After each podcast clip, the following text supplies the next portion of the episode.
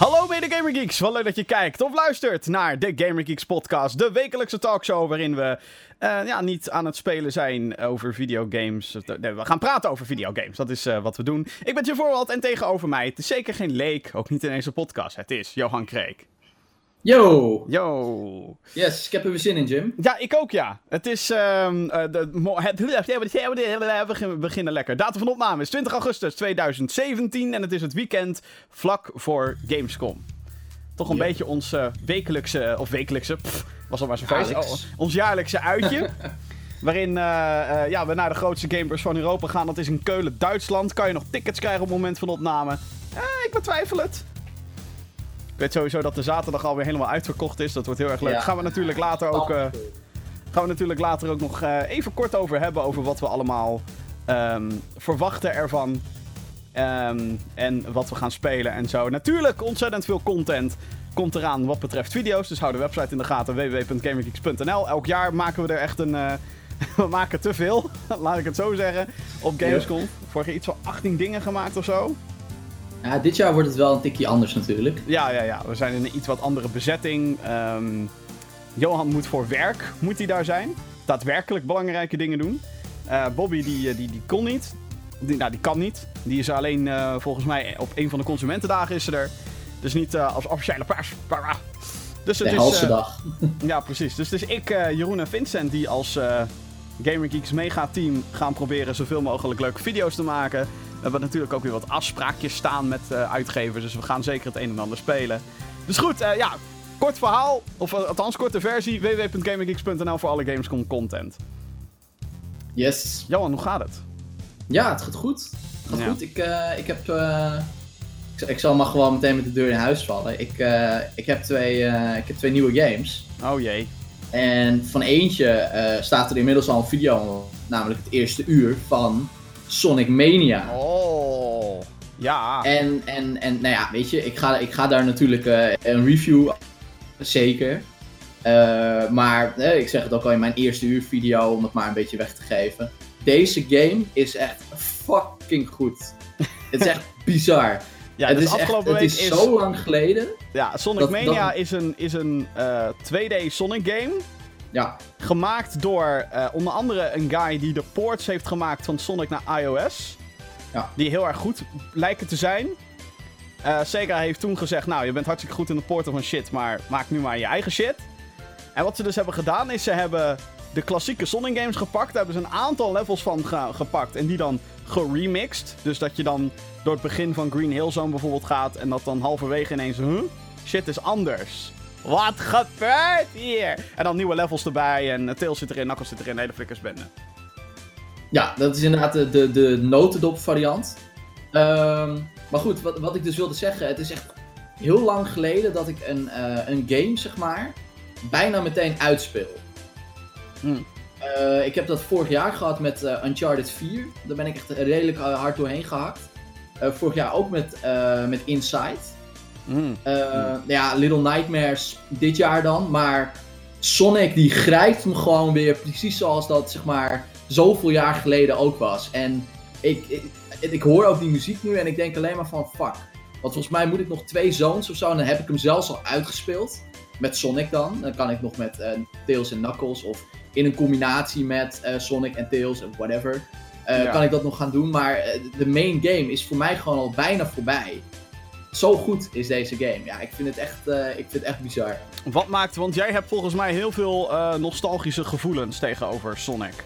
Nee, nee. Nee, helemaal niet? Ja, jawel. Oh, okay. nee, Sonic, Sonic was zeg maar ten tijde van mijn jeugd. Sonic mijn Mario, zeg maar. Hmm. Ik, had geen, ik had geen Nintendo in beginsel. Ik had een Sega Mega Drive. Oh, ja. uh, en wie, wie is daar de platformheld?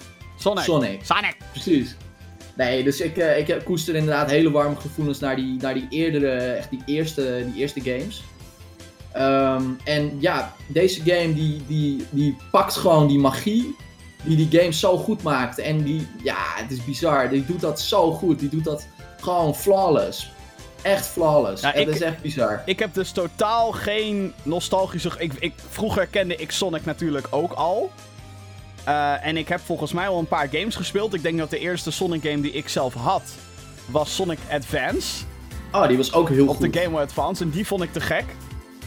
En daarna kwam ik erachter. ehm, ik had namelijk een vriend. En eh, die was helemaal Sonic Freak. Die had alle 3D Sonics. Die had alle fucking. Alles wat op de Gamecube verscheen. Want we waren allebei Gamecube fanboys. Alles wat op de Gamecube verscheen wat betreft Sonic. Deze guy had het. En dan hij helemaal, ja, Sonic Heroes en Sonic Adventure DX en, en Sonic Adventure, Adventure 2 ja. Battle, yeah! En dan gingen we dat spelen. En ik zat daar gewoon echt zo toen al van... Ik weet niet waarom jij dit zo fucking goed vindt of heilig, maar... I don't get it. ik, ik snapte het echt niet. Nog ja, steeds dat kan. Dat kan. Dus ik heb helemaal geen, hè, behalve dat, maar toen waren we al tieners toen ik die guy leerde kennen. Dus het is niet alsof ik als klein jochie al Sonic had. Nee. Dus ehm, ik heb deze game ook toevallig opgepakt. Ja, dus jij bent neutraal hier. Ik ben, ja, ik ben, ik ben wat minder eh, eh, de fanboy kant. Dus ik heb geen, ik heb geen referentiekader van... Vroeger was het allemaal zo goed. eh." ik bedoel, ik zal, ik, ik zal ook beamen dat Sonic een franchise is die zijn weg kwijt is. Jo.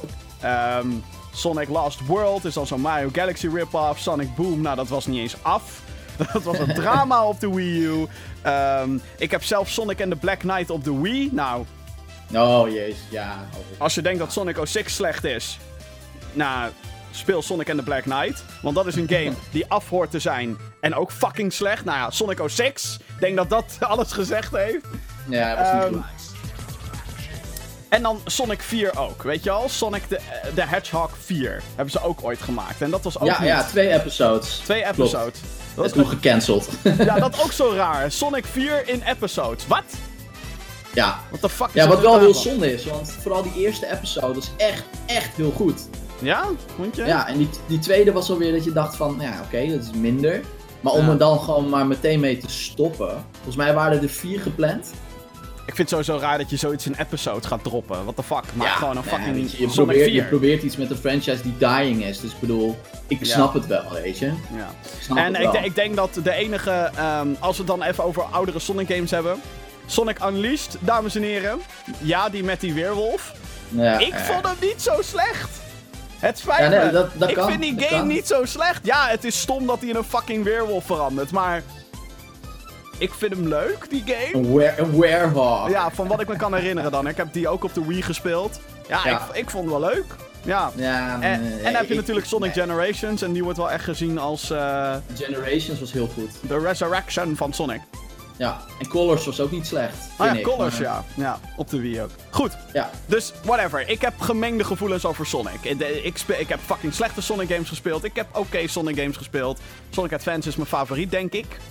Is ook wel een van de betere. Dus. Ehm, dus ik ging deze game halen voor de Switch. Want ik denk, weet je, als ik deze game ga spelen, dan wil ik dat niet op de bank doen. Of, eh, nou ja, kan ook, natuurlijk, met de Switch. Maar dan wil ik dat in handheld vorm. En toen ik hoorde Ja. dat, die, dat die game goed draaide op de Switch, lees 60 fps, had ik zoiets van, oké, ik ben om, ik ga hem spelen. Komt u maar. En je gaat er dan in ehm, als neutrale gamer. En dan zit je dat te spelen en dan zit je wel van, ja, dit is fucking goed. Zo fucking goed! Gewoon, Ja, de- I know. De level design klopt gewoon. Die animaties van die, van die egel. Want eh, het ziet eruit als een 16-bit Sonic game. Maar Ja. het is eigenlijk eerder wat er... ehm, Sonic Mania is eigenlijk wat er... De game die misschien had gebeurd... als Sega ooit had besloten om een Sonic game op de Saturn te maken. De Sega Saturn. Waar Ja, nooit een officiële, echte Sonic the Hedgehog game voor is verschenen. Misschien zo'n stomme Sonic 3D Blast of iets in die trant. Maar Vast wel een Sonic game, maar niet, Kutzooi. niet zo'n Sonic game. En dit is eigenlijk Sonic 4. Dit is Sonic Ja. 4. Het is dat we fucked up zijn eh, qua, qua titels. Want je hebt al Sonic 1, 2, 3 en Knuckles. Je hebt Sonic CD. Dat wordt voor heel veel mensen ook als een van de klassiekers beschouwd. Fuck! Er zit ook heel veel throwback in naar Sonic CD in deze game. Dus Ja. Ja. En eh, ja, goed, ik, ik, ik, ik ken natuurlijk wel Green Hill Zone ken ik. Ik ken die Chemical Plant met die kutblokken die naar elkaar toe schuiven. En dat je daar dan in geplet wordt. En het fucking water dat... Oh, dat geluidje hebben ze ook gewoon één op één overgenomen. Oh. Ik zweet handjes, Jim. Maar man, man, man. Ik heb hier zo fucking veel plezier in in deze game. Ik ben nog niet heel ver. Maar hoe zij... ehm, hoe deze ontwikkelaars, want dat zijn er meerdere... ehm, het klassieke hebben gepakt en dat toch weer hebben vernieuwd met eh, eh, elementen die in latere Sonic games zaten. Je hebt bijvoorbeeld van die, van die eh, eh, je kent zo'n shield, zo'n power-up van Sonic, zo'n shield dat je dus één keer gratis geraakt mag worden zonder dat je je ringen of je levens kwijtraakt. Gratis geraakt. ja, ja, whatever. Ja, nee, Maar- fair enough. Nu heb je een vlam variant. Ik had Ja. die nog nooit eerder gezien. Die schijnt al in andere Sonic games te zitten. Maar wat dus tof is, is dat die, die Flame Shield heeft interactie met bepaalde dingen in het level. Dus heb je in Green Hills, dan heb je zo'n lange tak waar je overheen kan rennen met van die stekels. En als je Mhm, daar dan ja. op de juiste manier over rent, dan kan je daar gewoon overheen lopen. Lukt mij nooit. Ik ga altijd uit paniek springen en dan raak ik die stekels. Nou, je kent het wel. Je moet gewoon op dat ding gaan staan, joh. Ehm, maar met die Flame Shield kan je dus die tak affikken. Wat Serieus? Ja, dat is fucking vet. dat, dat, dat, heb ik, nog- dat heb ik nog niet gedaan. Dat soort shit zit hierin. En ehm, ja, ze spelen gewoon heel erg met het feit van... Wat kan je nog meer met die levels doen wat ze toen niet konden in de oude Sonic Klopt. games? Laten Ja, we dat klopt, er nu in stoppen. En dat is zo fucking vet. De variatie ook. Je hebt, eh, eh, in plaats van dat je altijd een eh, Eggman hebt in een robot... Tuurlijk, die zijn er ook als boss fights. Maar dan heb Ja. je daarnaast ook elke keer zo'n chase boss fight. Die volgens mij ook niet altijd in Sonic ja 1 die, zat. kom- die komen ook een paar keer voorbij. Dat Ja, dat, dat vind ik vet. Dat je dan echt achter iemand aan moet rennen of dat je weg moet rennen. En eh, een van de meest geniale dingen, ja, dit kan een soort spoiler zijn, I don't fucking care. De boss fight, of een van de boss fights in Chemical Plant, dat de boss fight verandert in fucking Dr. Eggman's Mean Bean Machine, wat een Ja, puzzle game hoe is. vet is dat, hé? Mind is blown gewoon. Wat Ik de hoop fuck, dus dat dat je stiekem- eindbaas is. Ja, ik hoop dus stiekem. Ik denk dat het niet gaat gebeuren. Maar hoe vet zou het zijn als ze nu Sonic Spinball ook in zo'n boss fight hadden verwikkeld? Ja, Volgens mij zit het er niet in. Ik bedoel, ik ben er nog niet helemaal doorheen. Maar ik vind gewoon de variatie vind ik tof. Ik vind het sfeertje tof. De geremixte, eh, ge- geremixte, remastered soundtrack die erin zit. Het zijn Bedoel, dezelfde ja. deuntjes, maar ja. En, en niet te vergeten, er zijn natuurlijk nieuwe levels. En, maar volgens mij ben ik daar nog niet gekomen. Want ik ben nu bij Green Hill Zone. eh, Chemical Plant, die komt natuurlijk uit de oudere Sonic games. En Studiopolis. Ja. wat volgens mij ook gewoon een soort casino zone is. Maar dan, Ja, klopt inderdaad. Ja, het is een gigantische tv-studio, moet je voorstellen. ja. Heel tof. Echt vet level. ja. Nou, Nee, ik, ik, eh, eh, ik kan op dit moment nog niet heel veel negatief zeggen over die game. Er zijn trouwens wel genoeg minpunten hoor, maar die bewaar ik. Oh, oké. Ja, Ja, ik vond, eh, ik vind, ik vind het, ik bedoel, het is en blijft Sonic. En het meest vervelende van Sonic is, als je lekker aan het rennen bent, kan het zomaar zijn dat je ineens op een vijand loopt. Ja, En dat, eh, ja, dat is bijna niet te vermijden eigenlijk met, met dit soort games. nee, dat klopt. Maar, ja goed, whatever. Ik neem het voor lief, want de rest van het level design is, is zo tof.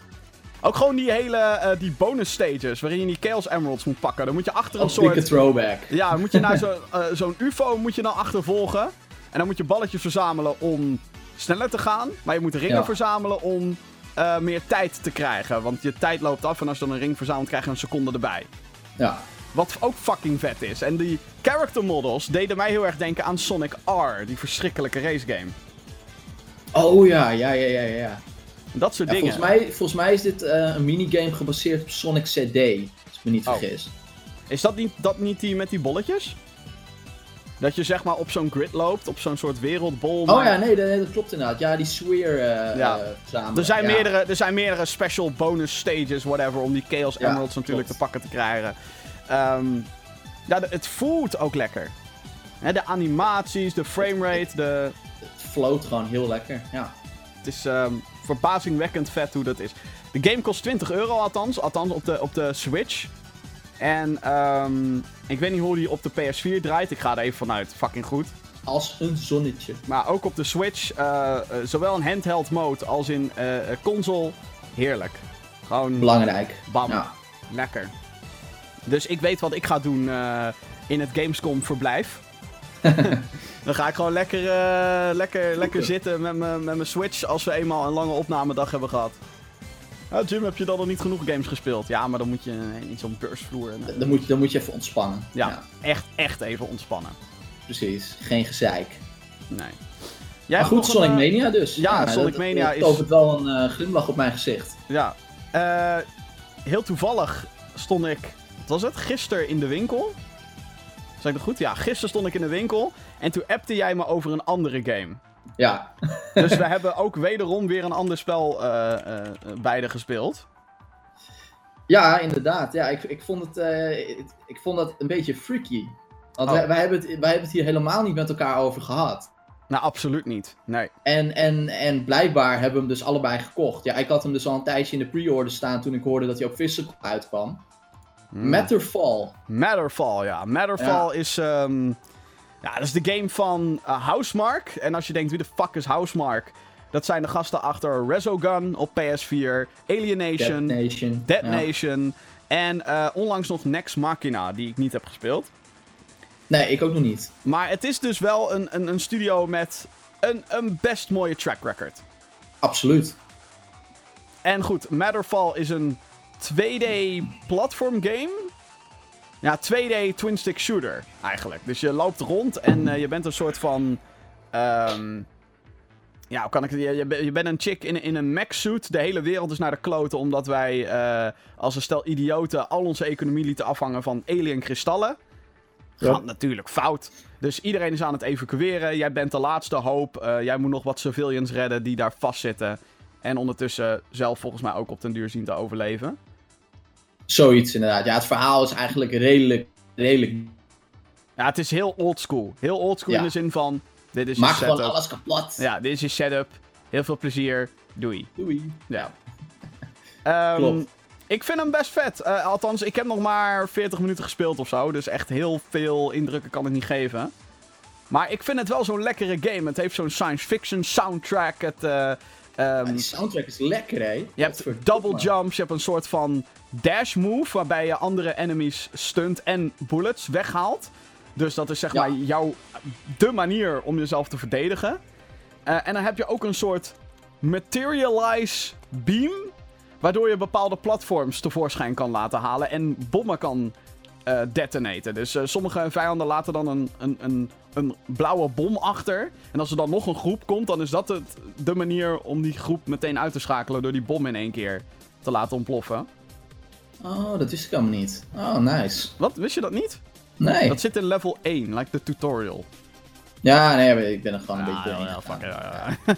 maar het is dus echt een combinatie op de nieuwe. Er komt, er komt er natuurlijk zo'n gigantisch grote groep van vijanden komt er dan op je af. En het is van, ah, fuck! En dan moet je met eh, je rechter analoog stick moet je al die vijanden kapot zien te maken. Eh, je hebt natuurlijk special weapons, dashen, double jumpen. Nou ja, Er Dus- komt zo tering veel shit op je af op een gegeven moment. Ja. Die chaos. Complete chaos. Gewoon level 2, by the way. Want ik zat dus al, level 1 is een beetje hè, introductie. Dit zijn de mechanics, dus een beetje hoe het werkt. En dan ga je level 2 en dan is het van, oh shit, oké. They're not fucking around, oké. Fuck. Ja, dan- je wordt er dan meteen gewoon ingegooid, inderdaad. Dus het is echt een Ja, mix nee, van... eh. Sorry, ja. Ik zeg een hele toffe titel. Ja, zeker. Ja, ik... eh, eh, Het enige wat ik wel heb... En misschien is dit gewenning. Onge- nou, het is gewenning. Niet misschien, het is Controls. gewenning. De controls, inderdaad. Ja, ja dat, want in plaats van, Uh, Ja, in plaats van dat je gewoon springt met kruisje, wat hè, second nature is voor iedereen die een PlayStation controller in zijn hand heeft. Nee, springen is R1 ja. en dashen is L1. Nou, daar kan ik dan nog mee leven. Maar ik zit dus elke keer als ik dan een level start, ik loop met mijn analoog stick en dan ga ik gewoon uit automatisme loop ik op kruisje te drukken. ja, en nee, ook klopt. gewoon tijdens en de actie. moet natuurlijk, als je door dat platform heen moet springen, dan moet je nog een extra knop indrukken. Dat gaat bij mij nooit, nooit in één keer. Nog Nee. niet. Maar wat je zegt, dat is gewenning. Ja, het is waarschijnlijk dat je in je, je brein moet in Matterfall mode gaan en weten, oké, de schouderknoppen, die zijn belangrijk. Uit Sonic modus. Ja, nou ja, dat, dat zal er ongetwijfeld ook bij spelen. Maar ook dat ik hè, Crash Bandicoot speel en dan is dat ook gewoon normale controls, om het maar zo te zeggen. Ja, precies. En dan eh, word je een beetje genakkie na nakkie nakkiet. Ehm, ja, ik wil het even hebben over Observer. Met eh, Rutger. Ja, Observer is een eh, game ehm, die is deze week uitgekomen. Eh heb ik ook eh, anderhalf uur al van zitten spelen. En eh, het is een game gemaakt door de gasten achter Layers of Fear. Nou, deze nog? natuurlijk. Geweldig. Echt waar. Raad ik iedereen aan. Als je geen scheiterd bent, zoals ik. Want ik heb een let's play gedaan vorig jaar met Halloween. Eh, van die game. En eh, op een gegeven moment werd het mij gewoon too much. ik zei, oké, dat is het. Dat, dat, doei. Da, dag. Uh, dus die game was fucking freaky. Alleen qua gameplay doe je niet heel veel. Maar die graphics in Layers of Fear, holy shit. Dat is echt. What the fuck. En Observer gaat een beetje dezelfde route in. je zei net al, het is met Rutger Hauer in de hoofdrol. Je speelt als een Poolse detective. Dus daar komt een, een, het accent van Rutger komt daar best wel goed van te pas. Dat hij sommige Engelse woorden natuurlijk een beetje... Raar zegt. Raar zegt, à la... Beetje Nederlands. Um, uh, en, en ja, hij zet, zet, er dan zelf ook nog een extra dik accent op. Dus dat is wel grappig. Je hoort echt drie accenten door elkaar heen. Maar goed, uh, hij doet het hartstikke goed. Uh, en je speelt als een detective in het jaar 2084 of zo. En ja. Polen is een soort cyberpunk setting geworden. Waarin iedereen een soort van afgesloten zit in een huis. En hij is een mind detective. Dus hij heeft de bevoegdheid en de mogelijkheid om in andermans gedachten te kijken. Ja. Wat, um, dus een observer in die zin. Hij kijkt letterlijk naar of iemand zich daadwerkelijk iets kan herinneren. Want met al die augments die iedereen nu heeft, hè, is je mind misschien kapot of je wordt helemaal gek. Dus je komt ook personages tegen die niet meer. Nou, daar zit letterlijk een draadje los. en um, het, het, is, het is een, een, een, een horror game, moet ik erbij zeggen. Net zoals Layers of Fear is dit duidelijk een horror game. Dus je speelt in first person en je loopt dan rond zo'n appartementencomplex. Hij is op zoek naar zijn zoon die hem ineens na 20 jaar weer contact met Rutger opneemt. En denkt, what the fuck? Dus hij gaat naar dat appartement heen. En nou goed, daar gaat dus van alles nog wat fout. Die shit gaat op lockdown dankzij de regering die iedereen in toom wil houden. Want augments, future, science fiction. En um, dan gebeuren, er allemaal dingen in dat appartementencomplex. Er is ineens een dode. En um, dus ga je op den duur bij mensen in hun gedachten kijken. En dat is waar deze game bijzonder wordt. Want eerst ben je gewoon door zo'n ja, soort half modern, half kapot, gerot appartementencomplex ben je een beetje aan het lopen. En dan oké, okay, hier is een lijk. Oké, dan ben je een beetje een, een, een scene, crime scene aan het scannen met een, met een bioscan en een soort uh, elektrische scan, weet je, dat je apparaatjes kan scannen. Zo los je de eerste paar makkelijke puzzels op van, oh, je moet een keycode vinden. Waar ligt die? En dan ligt er toevallig een boek in, um, in de kast. 1984, science fiction boek overigens, best wel grappig. Oké, okay, typ dat in, weet je al, dat soort puzzels. En dan ga je op een gegeven moment ga je de gedachten in van iemand. En, en dan wordt het fucked up. En dan wordt het fucking fucked up. Want je wordt dus getransporteerd. En alles glitcht, zeg maar. Alles heeft van die glitchy effectjes. En je gaat dus het hele leven van iemand door. Want ja, je kan niet in één keer bij een herinnering komen die jij wil. Nee, je moet door... een beetje zoeken. Ja, ja, je moet een beetje zoeken. Dus je gaat door zo'n hele fucked up leven door. Dus dan heb je zo'n zo'n zo'n gevangenis. En dan zie je al die, al die guards daar. Maar deze guy kan die gezichten niet goed herinneren. Dus zijn al die gezichten glitchy. Het is echt super vet gedaan. Het is... En daar komen natuurlijk ook de jumpscares in voor. Want dan glitcht ineens iets en dan staat er ineens iemand achter je. En het is van, ah, what the fuck, wie ben jij? En waarom gebeurt dit? En ik wil niet verder lopen, maar toch. Of van die... Um, uh, uh, dat vind ik het echt het allervetste. Als een developer jou compleet in verwarring weet te brengen. Door dat je bijvoorbeeld een hoek omgaat. Een beetje à la PT. Dat je dan een hoek omgaat en dan ben je weer in dezelfde gang. Nou, dat, dat soort shit gebeurt dus heel veel in die...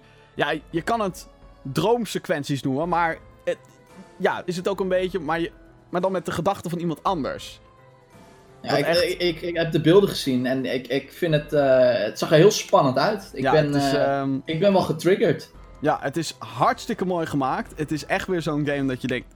Hoe, hoe fucking ver zijn we met graphics? Dit is fucking ziek gewoon. Hoe gedetailleerd alles is. En tuurlijk, het is allemaal in een super afgesloten ruimte. Dus dat is ook een van de redenen waarom ze alles zo super gedetailleerd kunnen maken. Maar ook gewoon die hele wereld en de manier hoe ze spelen met, met cameraperspectieven. En met waar je bent, wie je bent. Ben je wel of niet diegene? Ah! En natuurlijk komt er straks een of andere gigantisch grote plot twist. Dat je misschien wel of niet in control bent. En wie ben je nou echt? of ben je de observer van de observer misschien wel? Word je misschien wel observed? Oh. Maar goed, ik ben pas anderhalf uur en ik zat gisteren al een beetje te schijten in mijn broek. Omdat, nou ja, ineens komen al die flitsen voorbij en wordt het toch een beetje eng. Dus Ja, ik, eh, jij en horror games, hè? ja, het is een eh, combinatie die ik heel leuk wil vinden, alleen niet altijd leuk vind. Want ik ben een niet. Nee, precies. Ja. Ehm, een andere game die ik nog heb gespeeld is ehm, Agents of Mayhem, dames en heren. En Agents of Mayhem is een hele interessante. Want dat is een, een game waarvan je misschien zegt... Eh, Eh, ja. Ja. We? Nee. Het is ja, een, het was eh, inderdaad van, oh, die komt ook nog uit deze maand. ja, het is een beetje ehm, de Battleborn van 2017, denk ik. Ehm, niet dat ik wil dat het hetzelfde lot begaat als Battleborn. Want oh, sowieso, het lot van Battleborn is een tragisch verhaal, dames en heren. 5 euro in de budgetbak, ja. Echt waar. Eh, Battleborn kwam vorig jaar, gemaakt door Gearbox, de makers van Borderlands. Moest eigenlijk een soort first-person shooter MOBA worden. Eh, klinkt hartstikke leuk. Klinkt misschien ook alsof het kan slagen. Waar het niet dat het- ze... had het ook kunnen. Ja. Waar het niet dat ze dan gaan concurreren met Overwatch. Niet zo'n slim idee. En ook zeker niet in dezelfde maand uitbrengen en dan volgens ineens een kortingsactie doen op het moment dat Overwatch uit is. Nee, Het was zo desperate. niet slim. Nee, niet doen. heel erg. Niet ja. doen. Echt waar, marketing, videogame marketing 101, concurreer niet met Blizzard, want ze maken je kapot. Ja. En ook niet met Activision, hetzelfde verhaal. Ja, hetzelfde bedrijf inmiddels ook. Ja, inderdaad. Of nou, hetzelfde bedrijf. Hetzelfde overkoepelende bedrijf. Ja, precies, hetzelfde paraplu. Ja. Agents of Mayhem heeft daar niks mee te maken. Alhoewel Overwatch. ja. Ehm, het is een game gemaakt door Volition. En Volition is een, een, een ontwikkelaar die kan je kennen van Saints Row en Red Faction. Met name Saints Row, denk ik. En Ja. het is ook. ehm, wat ik raar vind, is dat het niet gewoon Saints Row 5 heet. Want het speelt zich af in de universe van Saints Row. Er zitten personages in van Saints Row. Dus. Whatever. Ehm, en het Nieuwe is franchise of zo dan, denk ik. ja, dat, daar willen ze denk ik mee die kant op. Maar ik denk dat ze toch een beetje... Ik denk dat ze heel erg gehecht zijn aan hun eigen wereld. En personages. Dat ze daarom... Ja, weet ik niet. Eh, het is in ieder geval een open world. Third-person shooter.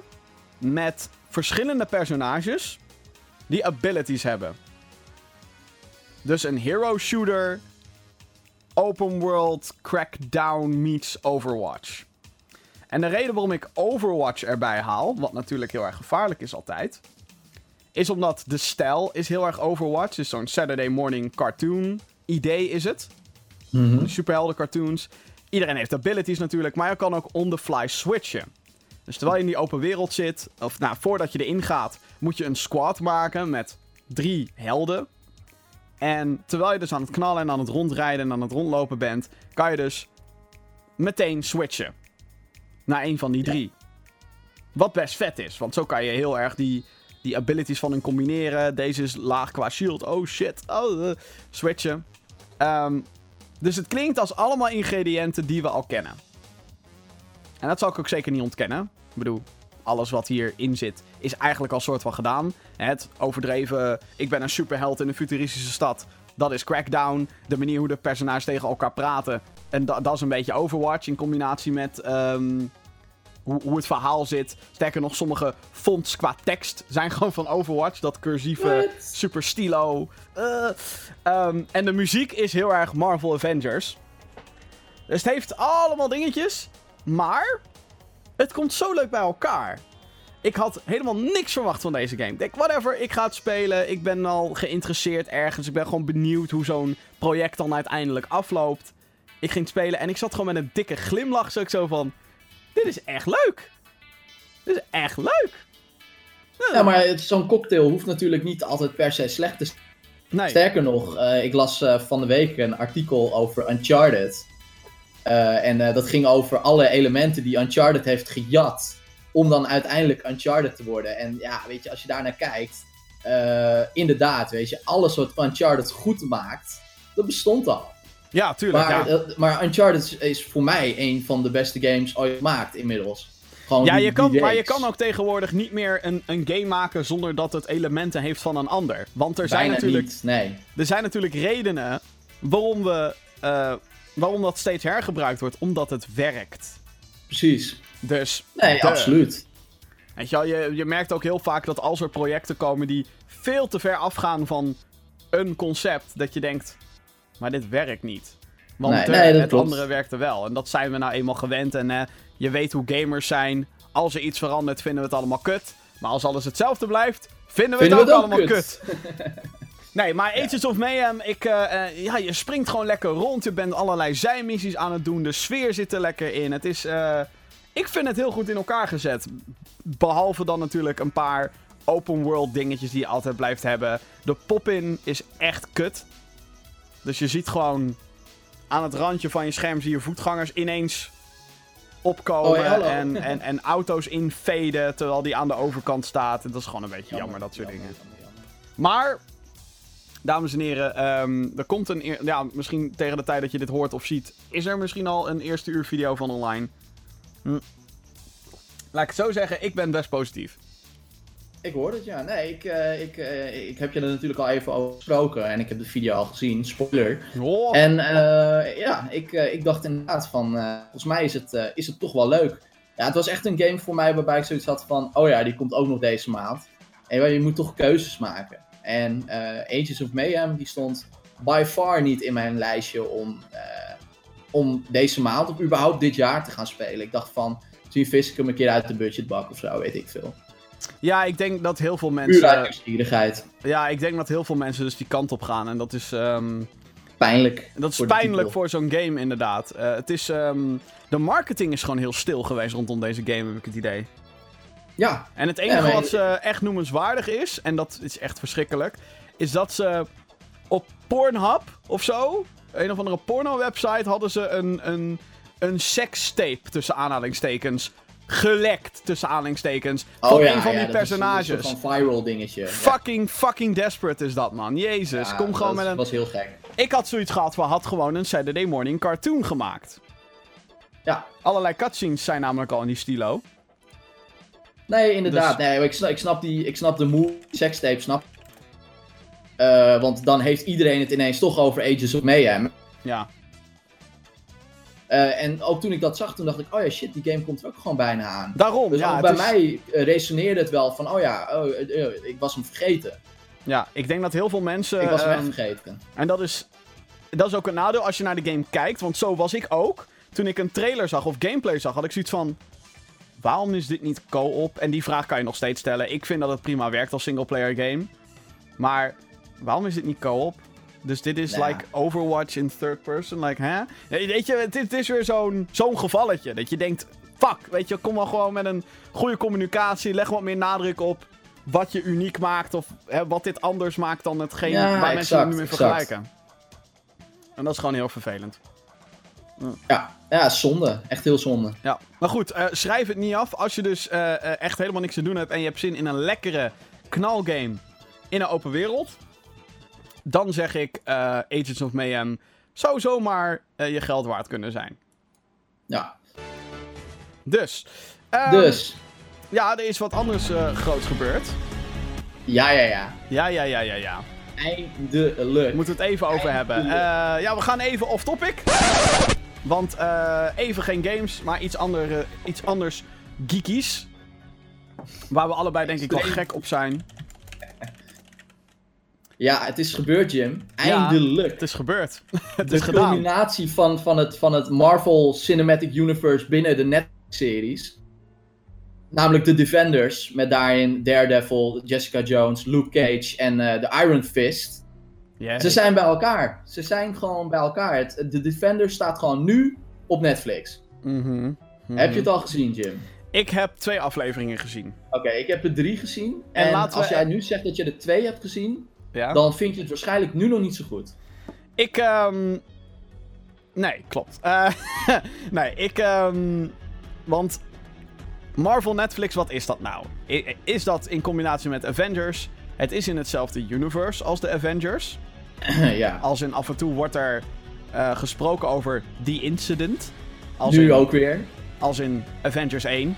New Ja. York, want dat was in Battle New York. of New York, ja. En al die eh, eh, Defenders, superhelden, zitten dus in, een, in, in New York ook allemaal. Begon Ja. allemaal bij Daredevil. Toen die op Netflix kwam, had iedereen zoiets van: oké, kijk het wel even. En dat was fucking awesome. Het was een Heel goed. hele down-to-earth superhelden-serie. En Wel heel donker. Ja, het eerste seizoen was echt heel donker, ja. Letterlijk, heel donker. Maar ook qua, qua toon natuurlijk. Toen kwam Ja. Jessica Jones en ik was instant verliefd. En ik had zoiets van... Wow, deze personages, fucking David Tennant als... Ik, ik durf het te zeggen, de beste Marvel villain tot nu toe. Fair Killgrave. enough. Die geef ik Ik, je. ik moet ook zeggen dat Kingpin uit Daredevil fucking bruut is. Ja. En toen ging het treintje echt rollen, heb ik het idee. Daredevil Ja, was al fucking zeker. populair. Toen kwam Jessica Jones. En wie de fuck is Jessica Jones, weet je? Echt, niemand kent Jessica Jones. Fucking Nu niemand. nog steeds niet. Nu weet je nog steeds niet wie het is. Maar dan ga je die serie kijken van, zij is fucking awesome. Ja. En die, eh, nou ja, hoe dat dan samenhangt met andere personages. Want in Jessica Jones kwam dan al Luke Cage. Die kreeg zijn eigen serie. kwam Iron Fist. Ah. Het was elke keer 9 out of 10. 10 out of 10. 9 out of 10. En toen, toen kwam Iron Fist. En toen werd het ineens een zesje. En eh, goed, die vier zijn nu dus bij elkaar. De Defenders. Het is eh, ja, echt de Avengers onder Netflix. Ja. Wat best uniek is. Het, volgens mij is het nog niet voorgekomen dat er vier series samenkomen. Alhoewel je hebt natuurlijk de DC Arrowverse. Ja, Met ja, Green Arrow, inderdaad. Flash, Legends of Tomorrow, Supergirl, de hele flikkerse bende. Ja, nee, klopt. Maar Netflix heeft natuurlijk een net wat hoger budget dan, eh, dan een, wat is het, ABC? NBC? Nee, het is CBS. eh, CW. CW, ja. Ja. Allemaal Amerikaanse Eh, meuk, en jongens. Dat kun je ook wel zien. Alleen wat eh, het probleem zeg maar aan, aan de eerste aflevering van de Defenders, want daarom vind jij het nu nog niet zo goed. Mhm. De derde aflevering had de eerste aflevering moeten zijn. Het begint allemaal veel te soort van disconnected ook, voor mijn gevoel. Dat ik echt zoiets heb van. En dat komt ook een beetje doordat al die series en ook Iron Fist, want die hint aan het einde niet eens naar dat dit eraan zit te komen. En daardoor val je er een beetje in en denk je van, oh ja, wat waren ze ook alweer allemaal aan het doen? Er zijn er voorbij gegaan, in ieder geval. Eh, en iedereen die, die is, eh, al die personages, die zijn ook weer allemaal andere dingen gaan doen. En dan, eh, dan moet je dat weer gaan samenbrengen. Ja, ik denk op dat een manier dat dat niet geforceerd voelt. het is een beetje... ehm, kijk, er zit natuurlijk een voordeel aan hoe die series het apart hebben aangepakt. Want die staan allemaal op zichzelf. Met de uitzondering van Jessica Jones. Want die heeft natuurlijk wel echt, althans in seizoen 1, een dikke vette kliek met Luke Cage. Mhm. Maar die wordt daar geïntroduceerd. En Luke Ja. Cage kan je ook kijken zonder Jessica Jones gezien te hebben. Waarom hij dat in godsnaam zou doen, ik heb geen idee. Nee, maar- je moet gewoon de volgorde aanhouden. Al die series staan echt wel, best wel goed op elkaar. Behalve natuurlijk Daredevil seizoen 2, dan moet je wel echt seizoen 1 gezien hebben, maar je snapt me. ja, Ehm, ik snap je. En ik denk, eh, en dat gaat nu, dat valt nu steeds meer weg. Iron Fist stond ook redelijk op zichzelf. En daarom is inderdaad, wanneer ze bij de Defenders ineens weer allemaal bij, in New York moeten zien te komen, komt best geforceerd over op sommige fronten. Ja. Eh, Nee, klopt inderdaad. Vooral omdat ehm, Luke Cage is niet in New York aan het begin van de Defenders. Iron Nee. Fist is niet in New York aan het begin, van- eh, begin van de Defenders. Dus twee van de vier zijn niet eens in de stad. En New York is best groot. Zijn niet Ja. eens in de stad waar het zich allemaal moet gaan plaatsvinden. Dus dan. Nee, dat klopt. Het is maar dat, is, dat is het probleem. Je, je wilt eigenlijk gewoon, je wilt binnen een hal al die gasten bij elkaar hebben. En dan wil je gewoon gaan. Maar nu nemen ze heel erg de tijd om de nieuwe villain te introduceren. Waarvan ik nu nog steeds niet weet wie zij nou is. Sigourney Eh, Weaver. Ja, inderdaad. Wel een fucking goede actrice natuurlijk. Zeker. Uh, maar het- het- ze nemen gewoon een beetje te veel tijd. En daarom zeg ik, aflevering 3 had aflevering 1 moeten. Klopt het ook ineens? En daar doen ze inderdaad die geforceerde van alles moet bij elkaar komen. Maar je zit ernaar te kijken, althans dat had ik. Ik zat ernaar te kijken en ik dacht, ja, oké. Nou, ik moet dit wel pik- zeggen dit dat pik in, ik, dit pik ik. in, de, in de tweede aflevering komen al wat personages bij elkaar op een best slimme manier. Vind ik. En Ja, zeker dan aan het ja. eind wanneer... ehm, nou, het zat er in de trailer, dus fuck it. Wanneer Iron Fist Luke Cage ontmoet met een Ja. soort one-on-one brawl. En dat eh, Jessica Jones weer in een verhoorkamer terechtkomt. Eh, want de, het is Jessica Jones. Die komt altijd in de problemen met, met de politie. Eh, en dat Matt Murdock dan ineens binnenloopt van... stop Ja, talking, ja, I'm klopt, your attorney. En sowieso, ik moet wel zeggen dat de... en dat vind ik heel knap. ehm de personages shinen wel weer allemaal. Ja. Met de uitzondering van ehm, Iron Fist. Iron Het Fist... blijft een beetje druiper, hè? Ja, Iron Fist is helemaal kapot gemaakt door alle, alle critici. Ik vond Mhm. Iron Fist zelf wel meevallen. Het is, Ja, van, ja, oké. het is niet zo goed als die andere. Ehm, maar juist in de Defenders begin ik te snappen waarom mensen zo'n grafhekel aan hem hebben. Want hij blijft maar janken over dat fucking Kanlan. Ja. Altijd maar, I am the immortal Iron Fist. Ik heb nachtmerries.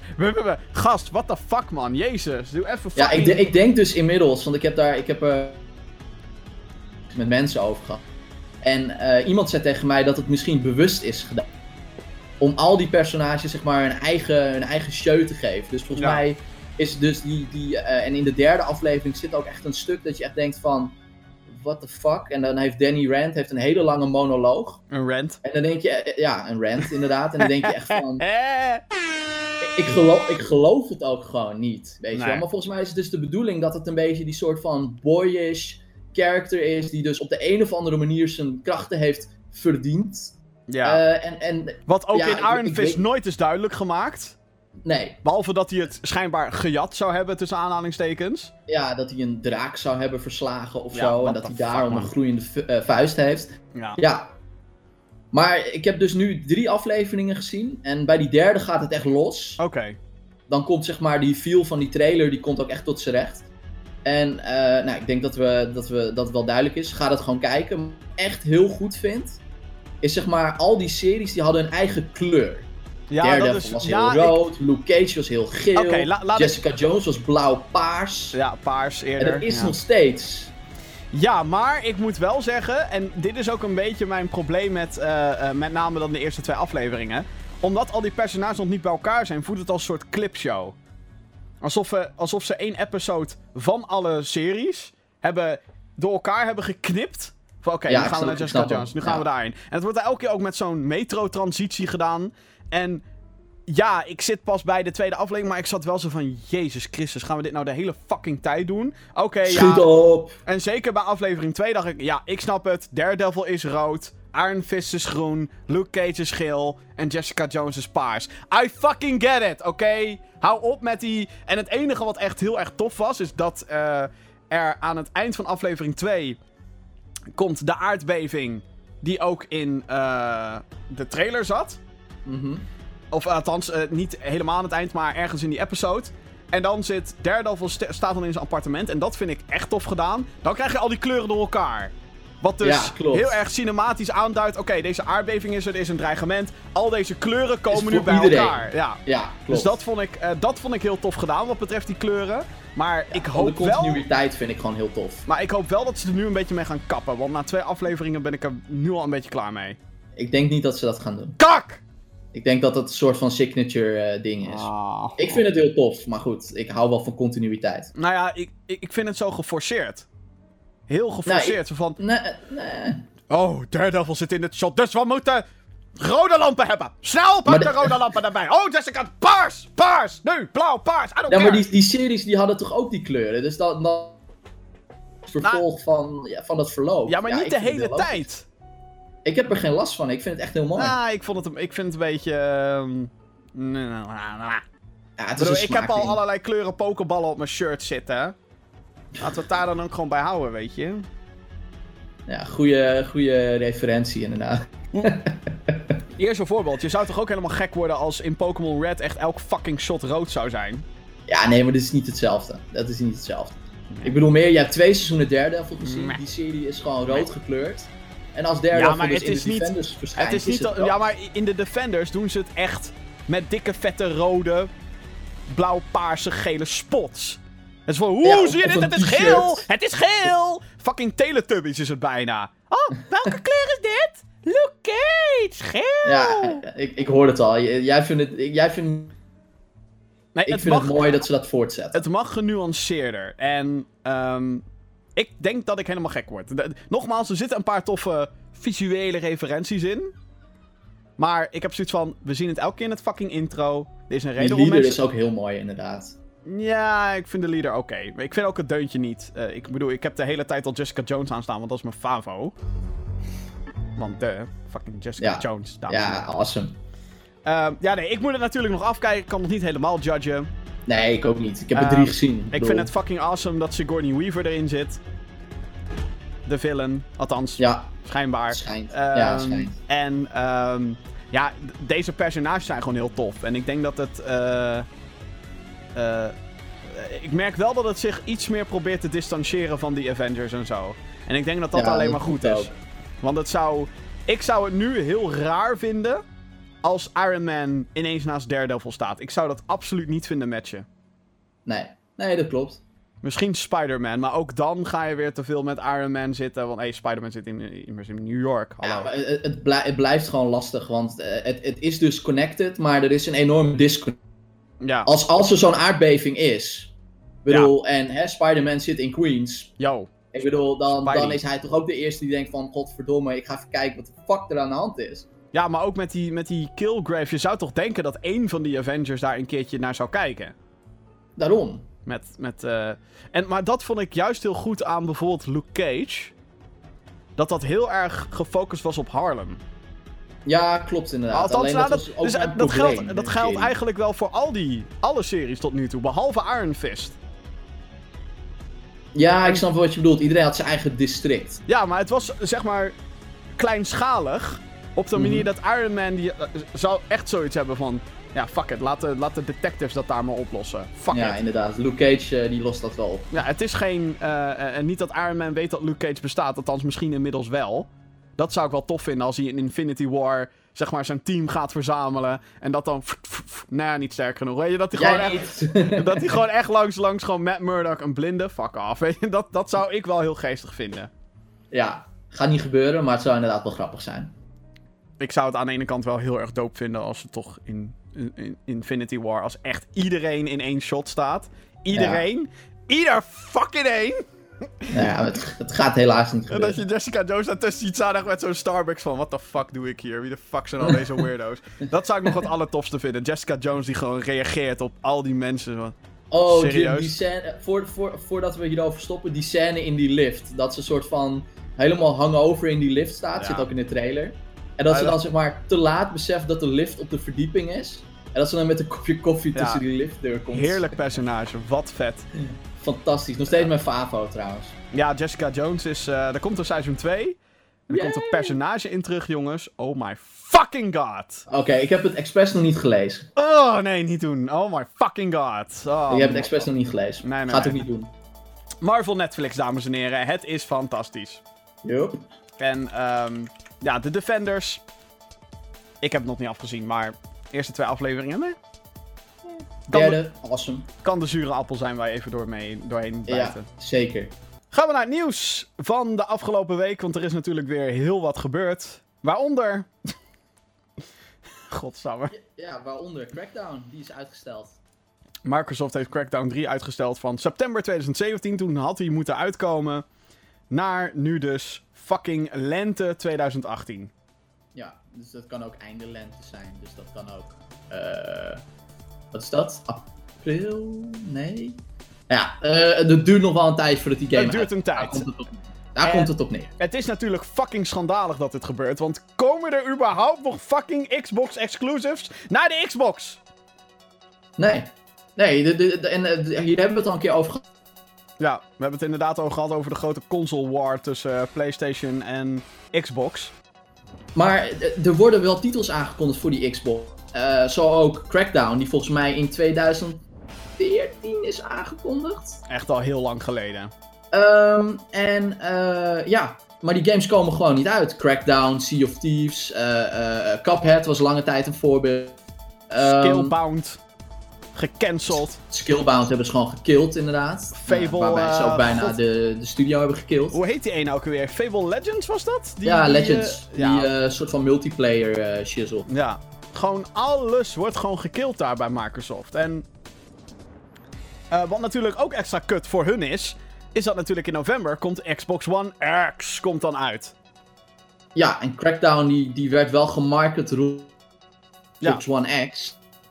Eh, ja, en nu is het gewoon, eh, nou ja, Crackdown 3 is voorlopig. Gewoon Want, out, out of the uit. picture.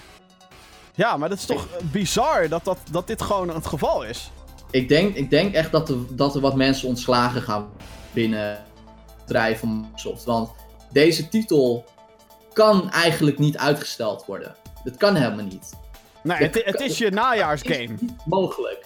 Het enige wat ze hiernaast nog hebben, exclusief dan, is Forza. Forza. En dat is En- heel erg niche. En Cuphead dan, die indie game, die dan eh, volgens mij september uitkomt. Ja, ook niche. Maar zet ook geen stoden aan de dijk. What the fuck?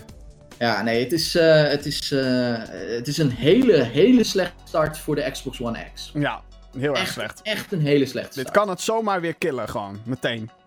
Ja, wederom gewoon dat ik denk, wat is dit voor vorm van, van, van mismanagement? Hoe Ja, kan het, het nou zijn dat die normaal. game nog steeds niet af is? Ja. Ja, nee. Dat kan toch niet? weet ik ook niet. Het is, het is, ehm Ja, het, het... Wat... Kijk, Sony stelt ook heel veel shit uit. Laten we dat ook even voorop stellen. En die brengt er- ook heel veel shit uit. Dat is waar, ja. We hadden het net nog over Matterfall. Dat is een PS4 exclusive. Hello. 20 euro. What? Ja, en eh, nou goed, hè. In, in, in september krijgen we natuurlijk de exclusive der exclusives voor de PlayStation. Holy fucking shit. Knak 2, dames en heren. bam, bam, bam. Gaan met die Woehoe. banaan. Nou, Maar, eh, en natuurlijk niet om, om Microsoft helemaal de grond in, in, te, in, te, in te stampen. Want eh, hoe beter de concurrentie voor alle partijen, hoe beter. En, Hoe beter voor ons. eh, inderdaad, hoe meer goede games, hoe beter. Alleen, ja, het is toch heel raar dat gewoon exclusive na exclusive, dat ze die of kwijtraken, cancelen. Huh? What the fuck? Ja, het is gewoon... Ja, hoe, maar de- de- de- hoe wil je nog gaan concurreren? Waarom ga je het überhaupt nog proberen met die Xbox One X? Kap Ja. met de naam Xbox One. Kap ermee. Maak iets nieuws. Ga even om de tafel zitten met een aantal ontwikkelaars en maak fucking duidelijke afspraken van, yo, als jij nu niet fucking voor deze tijd die game af hebt. Oh my god. En dan ga je natuurlijk weer buggy ass shit games krijgen. Maar hey, fucking shit moet op den duur gewoon in die store shelves gaan zitten. Bijna alles echt- wat nu uitkomt voor de Xbox is te spelen op de PlayStation. Ja, nee, dat klopt. Eh, Ik bedoel, er, is, er is geen... Wederom, er is geen reden om een Xbox te kopen. En dan kan je natuurlijk zeggen, ja, maar Xbox One X is beter en sterker. Maar je hebt geen games om het te laten zien. je hebt geen fucking die, die FIFA, games. die ziet er gewoon precies uit. geen uit. Nou, op Facebook gaat er dus... Oh, daar kan ik ook zo kwaad om worden. hè. Op Facebook gaat er dus een, een screenshot gaat er, eh, overal komt langs. Waarin dus Xbox One X vergeleken wordt met PS4 Pro. En dan hebben ze natuurlijk Ja. een fucking lelijk screenshot van Ronaldo uit een of andere gameplay trailer gepakt. En hebben ze natuurlijk een fucking mooie screenshot van Ronaldo CG pre-rendered gepakt voor de Xbox One vergelijking. En dan staat eronder... op, Project. Scorpio versus PS4 Pro. En dan denk ik, het feit dat dat al daar wordt neergezet. En het feit dat mensen daar nog intrappen. Hashtag fake news, kap daarmee. En ja, misschien is de Xbox One X wel mooier. Sterker nog, met al die fucking shit die erin zit. Het feit dat de Xbox Ver, One X verra flops. 500 euro gaat kosten. Ik mag Ja. godverdomme hopen dat het er beter uitziet. Maar wat is de fucking point als er geen exclusieve games naartoe komen? Ja, niet. Ik vind het, eh, ik, ik schrok hier echt van. Ja, Ik schrok hier echt van. Ik dacht echt, dit is een hoax, dit kan niet, dit is... Nou, volgens mij appte ik het in de, in de groepsapp met alleen maar uitroepteken. ja, what the fuck gewoon. What the actual Ja, fuck. je Ja, het is zonde. Ja, Ja, en- kan het, anders het is, zeggen. het, het is... Ik, ik snap het niet. Je hebt gewoon games nodig die jouw console profileren. En tuurlijk kan je dat met third parties doen. Maar je kan maar Ook tot steeds, ook steeds minder Ja, bij Microsoft. kan maar tot zover gaan. En partijen gaan natuurlijk uiteindelijk kiezen voor het platform waar de meeste mensen zitten. In dit geval PlayStation 4. En als je dan als Microsoft een titel wil hebben, moet je daar weer geld in steken. Kost geld. Mm, mm, mm. Het is een kostbare onderneming inderdaad. en- En, eh, ja, het schiet niet op. Tijdelijke exclusives. Werkt ook niet. Zie Rise of the Tomb Raider. ja, het Ja, echt- wat een clusterfuck was dat. Maar echt gewoon, hoe de fuck kan dit? Ja, ik, Ja. eh, ik flabbergasted. Er worden echt mensen ontslagen. Kan niet anders. Ja. The Secret World krijgt een televisieserie. Dat is een eh, MMORPG, soort van horror en shooter en eh, nog meer van dat soort dingen. Ehm, Recent gereboot volgens mij. ja, volgens mij inderdaad opgepakt door een andere partij, free-to-play en eh, andere servers. Ehm, en ja, dat, dat is het. Ja. Wordt geproduceerd door het bedrijf, productiebedrijf van Johnny Depp. Ja. Betekent dus alleen dat hij geldschieter is. Ja, eh, iedereen loopt al meteen te roepen Johnny Depp maakt. Nou, ik denk dat hij er eh, bizar weinig mee te maken heeft. Eh, ja, hij zegt gewoon van, weet je, zijn bedrijf maakt, inderdaad. Ja. Zijn bedrijf maakt. Ja, het bedrijf waar hij eh investeerder man in is. Precies. Wel interessant. ik denk niet dat de Secret World een naam is die per se meer televisiekijkers gaat trekken. Maar hey, als een serie leuk genoeg is, dan gaan mensen wel kijken. Ja, nee, de lore eh, waar ik een beetje over gelezen heb, wel leuk. Dus eh, ik ga het sowieso proberen. Dan We Happy Few. Ja, ja, kennen we die game nog? Ook eh, een game die groots werd getoond door Microsoft. Op een E3 persconferentie. Ja. Ehm, het is een game die ons allemaal op het verkeerde been heeft gezet. Want als je naar die trailer kijkt of naar die eerste gameplay, dan is het van: oh shit, dit is een soort fucking Bioshock. Fucking Mhm. awesome. Het schreeuwt Bioshock qua, qua sfeer. Stijl, En, ja. qua stijl en een beetje ook qua setting. En toen kwam er een early access. Ja, En en die wat heb jij is het? gespeeld. Die heb ik gespeeld. En wat is het? Het is een fucking survival game. Het is gewoon fucking Rust. Maar dan net wat anders. Er zitten wel een paar toffe momenten in. Het feit dat je dus wel dat gedoe hebt van die joy pills en zo. En die hele wereld is gewoon super interessant. Maar het is allemaal fucking random generated. Waardoor er geen tempo in zit. Er zit geen duidelijke richting in. Maar dat gaan ze nu dus fixen door het toevoegen van een campaign. Ja, Denk ze, ik ze dan. hebben, ze, hebben, ze hebben grootse plannen met de game. Er is een vol release date. 13 april. Eh, en inderdaad, een story campaign komt erin met drie speelbare personages en nog 250 andere, wat is het? Quests of personages waar je die, die een rol spelen en dat soort dingen. Ehm, en nog meer. Ja, maar jij, jij hebt het dus al gespeeld. Ja, Snap, snap, snap jij hoe ze die campaign gaan creëren? Dus zie jij daar mogelijkheden toe? ik hoop voor fuck's sake dat ze die eh, combat gaan fixen. Eh, en ik heb het al een hele tijd niet gespeeld, dus voor hetzelfde geld is het al gefixt. En ehm, ja, het vervelende van het survival aspect van We Happy Few was dat eh, jouw personage binnen vijf minuten al. Oh, ik heb zo'n dorst, ik ga dood. Oh, ik heb zo'n honger, ik ga dood. Hm. Godsamme man, leave me the fuck alone gewoon. Je wilt gewoon even een beetje die wereld ontdekken en dat gaat dan niet, want dan moet je weer water vinden en dan... En dan, dan, heb, dan krijg je dus elke keer als speler de keuze. Loop je verder in de hoop dat je dan water vindt? Of ga je, Of ga je voor safe dood? en ga je terug, drink je water en dan kan je misschien twee stapjes weer verder lopen. Fuck off. Echt zo fucking vervelend. Nou, dat klinkt inderdaad niet als een, als een leuke game. Nee. Als ik heel eerlijk ben. Nee, dat was het ook niet. En eh, de aspecten die erin zaten, van die personages die jou niet vertrouwen en zo, dat was allemaal wel qua idee heel interessant. Alleen het feit dat het allemaal zo random generated is, weet je, daardoor weet de game ook niet. Hè, wat nou. eh, Goed level design wordt echt onderschat, heb ik het idee. Je moet Ja. gewoon goede plekken hebben waar je als speler kan verstoppen, of waar je kan vechten, of waar je juist niet moet vechten. En als shit random generated is, dan kan je dat niet maken. Dan is het, oh, Nee, hier is ineens een open veld. Daar is ineens een huisje. Daar is nu de stad. En ineens is de grote stad is ineens west in plaats van in het oosten, bij wijze van. Ja, Ehm, en ik merkte gewoon dat heel veel mechanics niet. eh, daarop gemaakt zijn. ja, het, wa het was heel erg. eh, eh, als ik eenmaal in de stad was, waar je dus die joypillen moet innemen, wil je niet opvallen. Want dan loop je happy, happy, joy, joy letterlijk door die stad heen. Ja. Ehm, maar elke keer als het dan s'nachts werd, dan stonden daar bewakers, daar stonden bewakers. Jij hebt geen joypillen meer. Dan ga je proberen een huis in te breken. Het is fucking drie uur s'nachts. En iedereen in dat huis is nog wakker. En alarmeren dan meteen die politie, dan ben je weer dood. En waar word je dan gespand? Want hey, random generated. Voor een stel fucking guards. Yay. Ja, what the fuck? Dat, ja, dat soort Ja, het shit klinkt, zat erin. klinkt eh, alsof dat niet helemaal lekker loopt. dus ik hoop dat ze eigenlijk die hele game om gaan gooien. Ehm, maar goed, ja, of het dan nog wel goed wordt. Eh, 13 april komt hij uit en ehm, hij, is hij nu al in prijs verhoogd? Want het was eerst 30 euro voor de Early Access. Hij wordt 60. Ja, wordt gewoon full price game. Volgens mij is dat al vanaf september dat dat gaat gebeuren. Dus eh, Stap op tijd in. En er is ook een of andere Collector's Edition aangekondigd, zag ik. Oh ja, ja. Klopt. Voor de liefhebbers. Ja. Dus. Eh, gaan we naar nog meer nieuws. Er is eh, veel Yay! meer gebeurd. Blizzard. Ah, dit is een mooi verhaal. Blizzard Entertainment. bedrijf achter World of Warcraft, Starcraft, Diablo, uh, Hearthstone, Heroes of the Storm. Hero of the Storm! Die hadden een tijd geleden aangekondigd dat hun dienst, die Battle.net heet, iconische naam, al 20 jaar hebben ze dat, gingen ze veranderen naar Blizzard App. Ja. Goeie naam. Waarom zou je dat in godsnaam doen? Iedereen kent de naam Battle.net. Het is synoniem met Battle.net. Je hebt daar nogmaals, al 20 jaar heb je daar je merk aan verbonden. Het is de dienst van Blizzard. Het is Ja. online Blizzard, Battle.net. En nu gaan ze toch weer terug veranderen naar Battle.net.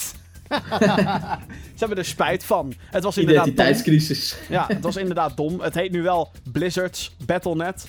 Maar Oh ja. Ehm, ja, volgens mij hadden ze.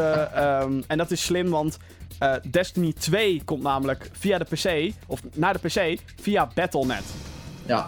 En dan is het Alleen natuurlijk. via Battle.net. Ja, dus dan is het natuurlijk handig als je dienst dan niet Blizzard heet. Maar iets Nee. anders. En dat is nu dus het. Ik denk dat dat de doorslaggevende factor is geweest. Dat ze wel zitten van ja, maar straks spelen mensen Destiny 2 op Blizzard-app. En dan denken ze misschien dat het door Blizzard gemaakt is. Wat natuurlijk ook weer niet zo is. Ik vind het wel heel, ik vind het wel heel grappig dit, want eh, bij dus grote bepaalde titels in de markt te zetten, zijn ze bij Blizzard bezig met van wat moet nou de naam van onze app zijn? Ja, precies. ja. First world problems, Eh, echt. Battle.net, dames en heren. De enige echte naam van de online dienst van eh, Blizzard. Jongen, jongen. Pokémon Gold en Silver komen naar de 3DS, Best uitgemaakt. eh, 3DS eShop eh, met een fysieke release op 22 september. En wat dat dan inhoudt, de eShop versie trouwens ook gewoon de online versie 22 september. En wat dat dan dus inhoudt, is dat je gewoon letterlijk een doosje krijgt met een code. Ja. Ehm joepie. Waarom? Het, zijn wel, het is trouwens wel Hard Gold en Soul Silver, toch? Nee, dit zijn de Game Boy Color versies. Oh, dat zijn echt de originals, Ja. de OG's. Vet. Ja, klopt.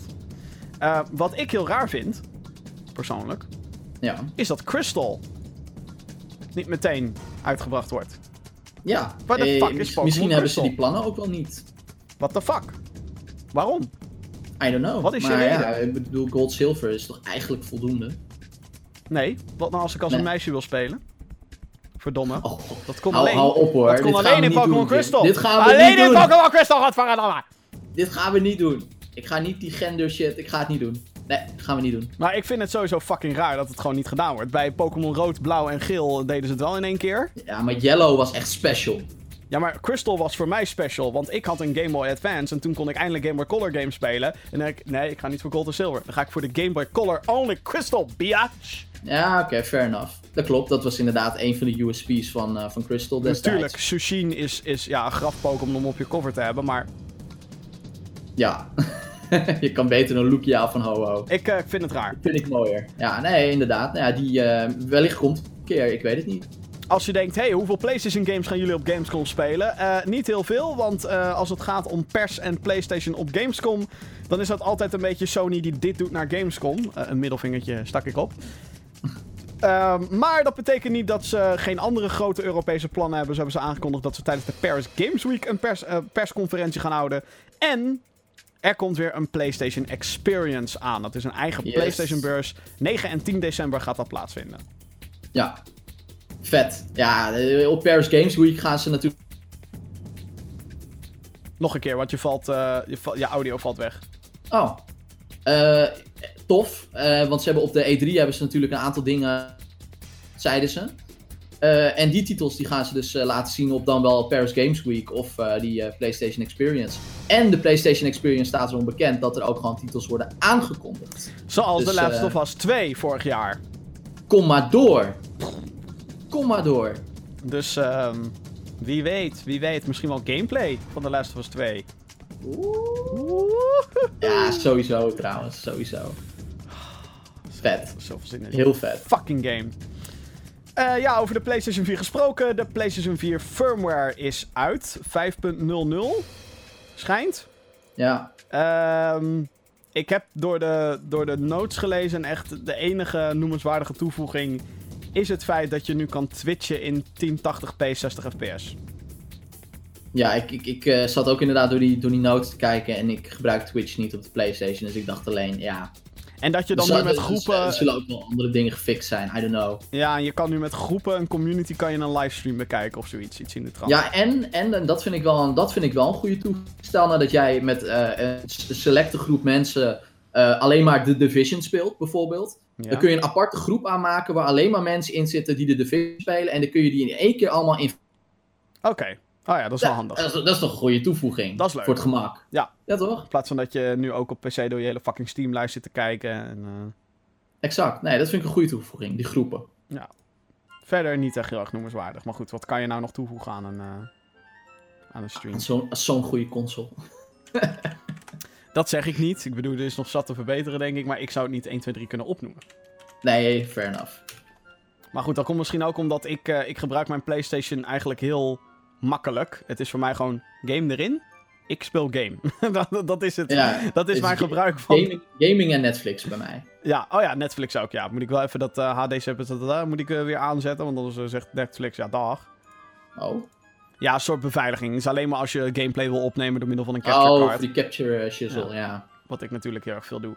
Oké, ehm, ik ben bezig mijn mailbox te openen. Want podcast.gamergeeks.nl, dat is het e-mailadres waarin je weer eh, je vragen kan achterlaten. Je kwesties, de dingen die je wel of niet wil weten. Als nou die mailbox ook daadwerkelijk even open wil. Ik heb er moeite mee, zoals je merkt. Mail. Nou, Ja. Ja. ja, heb je hem? Podcast.gaminggeeks.nl. Oké, eh, ik begin met eh, een mailtje van onze vaste kijker Outlook. Flikker op met je beta-versie, dankjewel. Ehm, ik begin met eh, vaste kijker Helminator. Die zegt... Lieve Gamergeeks! Gamescommerce ist solle weer super tolle Worten gemacht zijn. Aber...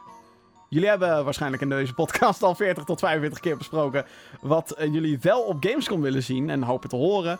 Maar waar zitten jullie nou niet op te wachten tijdens Gamescom 2017? wat is er nou op de beursvloer aanwezig waar jullie straal aan voorbij marcheren? En wat hadden jullie op die plek graag wel gezien wat er nu ontbreekt? Tjus, Jeroen! Hella maneta! Ja, Jim. Wat, eh, wat, wat is er niet aanwezig, maar had je wel... En waar... Ehm, nou, waar, heb ik, waar ik geen zin in heb op Gamescom, is die fucking hal. Ja, De grote hal des doods. ja, Gamescom is namelijk een verzameling aan hallen. En eh, ziet een beetje als je, net als dat je in de jaarbeurs zeg maar door zo'n grote hal heen loopt en dan richting de hal waar First Look is bijvoorbeeld. ja. Die grote hal, doe dat keer 10 en prop dat vol met 200.000 mensen. Ja, Nou oké, dus misschien overdreven 200.000, waarvan maar 75% Duits. ja. Eh, prop dat gewoon hartstikke vol met mensen die allemaal een andere kant op willen. en, die, en niemand die ook zoiets heeft van... Oh ja, ik sta hier midden in een grote fucking hal... waarbij mensen van A naar B willen komen. Laat ik hier even gaan stilstaan. Of laten we hier ineens met een groep even met elkaar gaan staan kletsen. Doe dat fucking ergens anders. Ja, maar eerlijk is eerlijk, er zijn ook niet echt plekken op Gamescom waar je dat dan moet doen. Ja, Ja, buiten. Buiten, Buiten, in, in de ja. fucking hete zon, als het heet wordt. Het wordt weer heet. Het wordt in Nederland ook warmer, zag ik al. Dus dan wordt het in Duitsland ook. Kak. Ja, Ehm, dus eh, ja, dat is nogal een drama. Dus eh, daar verheug ik me niet op. Ik verheug me niet op ehm, die ene awkward momenten. Die ene keer dat het dan gebeurt. Ik kan me dat nog heel goed herinneren. Volgens mij was het bij. God, waar, welke stand was dat? Was dat... Het, was vlak... het was bij een hardware stand, geloof ik. Dat er stel je verhaal. dat er een soort goodie contest werd gedaan. Er werd shit het publiek ingegooid. Nou, dan staan mensen natuurlijk als een stel zombies staan dan om zo'n podiumpje heen. En daar stond Ja. een meisje in een eh, soort hele, nou ja, twee, Ja, ik weet het. Ja, twee ja, stukjes stof om iets van eh, eh, geslachtsdelen te verbergen. En die voelde zich zo niet op haar gemak. Die stond daar echt fucking uncomfortable. Ik zat er echt zo naar te kijken van dit is echt Uitbuiting. Oh my fucking god. Gewoon. Weet je wel, als je dan zo'n zo'n chick gaat neerzetten, als je dan die kant op gaat, zorg er dan voor dat zo'n chick. Dat ze er zin in heeft. Dat ze er zin in heeft en dat ze zich eh, eh, zeker voelt over de zaak. En niet een meisje wat daar heel duidelijk niet wilde zijn. Die echt daar stond met: Oh god, please laat die 100 euro voor vandaag het waard zijn. Ja, Oh my god, wat was dat, wat was dat cringy. Dat, dat, was, dat was, pij- dat was pijnlijk. en dat was heel Dat was pijnlijk. vorig jaar volgens mij, toch? Ja, dat was vorig jaar, ja.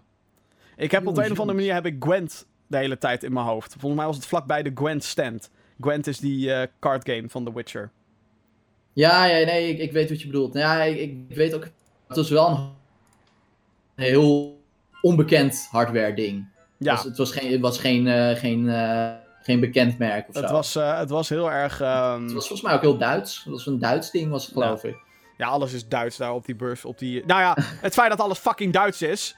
heb ik geen zin in. Ehm, maar wat wil ik daar dan voor in de plek zien? Ja, gewoon eh, in plaats van zo'n chick. eh, ik bedoel, chicks zijn prima. Daar niet van. En schaars gekleed, leuk. Maar zet dan inderdaad. Dat zou ik dan willen zien. Doe dan iemand die. Die wel, die wel sexy kan zijn. Nou, die zich niet schaamt. Die zich niet. eh, Ja, precies. uncomfortable voelt. Want dat is voor iedereen pijnlijk. Ja. Ehm, of hey, zet anders gewoon een paar extra. eh, Pleur dat geld van zo'n podiumpresentatie die niemand wil. Pleur dat in een paar extra demo-pots. Ehm, dat. Graag. Ehm, wat ik nog meer wil zien is een Nintendo stand met ruimte. Ja. Er is nooit ruimte in een Nintendo stand op de Nee. beursvloer. dat is echt. eh, ja, drama. En ehm, eh, eh, wat ik ook graag zou willen hebben, is dat niet elke fucking Duitser denkt grappig te zijn. Dat op het moment dat je aan het opnemen bent op de beursvloer, dat mensen altijd "Ah!" achter je gaan staan. Ja, of erger nog, gewoon je opname verbreken. Ja, gewoon je opname verbreken door ineens ervoor te gaan staan en dat eeuwenoude fucker right in the pussy te doen. En Ik sla erge- iemand echt op zijn bek. En het erge is, iedereen denkt, echt iedereen, denkt dat ze origineel en super grappig zijn als ze dat doen. Nieuwsflash, dat ben je fucking niet. Als jij En wat bewijzen we daarmee? retards. En als, Dat jij, Duitsers geen humor hebben. en als jij denkt dat je grappig bent door een opname te onderbreken, nee. Dan Tenzij onderbreken wij jou jouw been. Ja. Tenzij wij je persoonlijk kennen. Want Vincent had bijna, bijna Leon Winkler van Ubisoft aangevallen de vorige keer. Die stond echt... en toen kwam Leon Omdat Winkler ineens de... op zijn bek had geslagen. Zo. Ja, hij had iemand weggeduwd, ja. En dat ging iets harder dan dat hij had verwacht. En toen flikkerde iemand op de grond. We zijn ruzie gewelddadig verder. met Vincent. Ja, nee, maar ik heb dat ook een keer gehad. Dat, eh, dat was niet eens op Gamescom, dat was op Dreamhack. Dat ik een interview stond te doen en dat gewoon 80 mensen door dat fucking beeld heen lopen. Ga niet voor iemand anders zijn camera lopen. Nee, dat is gewoon, het is gewoon niet zo chic. Het Nee, is gewoon niet zo chic. Gewoon kut. Gewoon niet doen. wij proberen daar een video te maken, ja? Verdomme. Ja, we, zijn, we zijn er gewoon aan het werk. We doen gewoon ons best. Dus pleur op. Ja. We- Weet je waar ik geen zin in heb? Nou. Zweterige Duitsers. Eh, ja. Echt Ja. niet. Gewoon echt geen zin in. En eh, ja, dat is een beetje een nadeel aan Gamescom. eh, Zweterige Duitsers.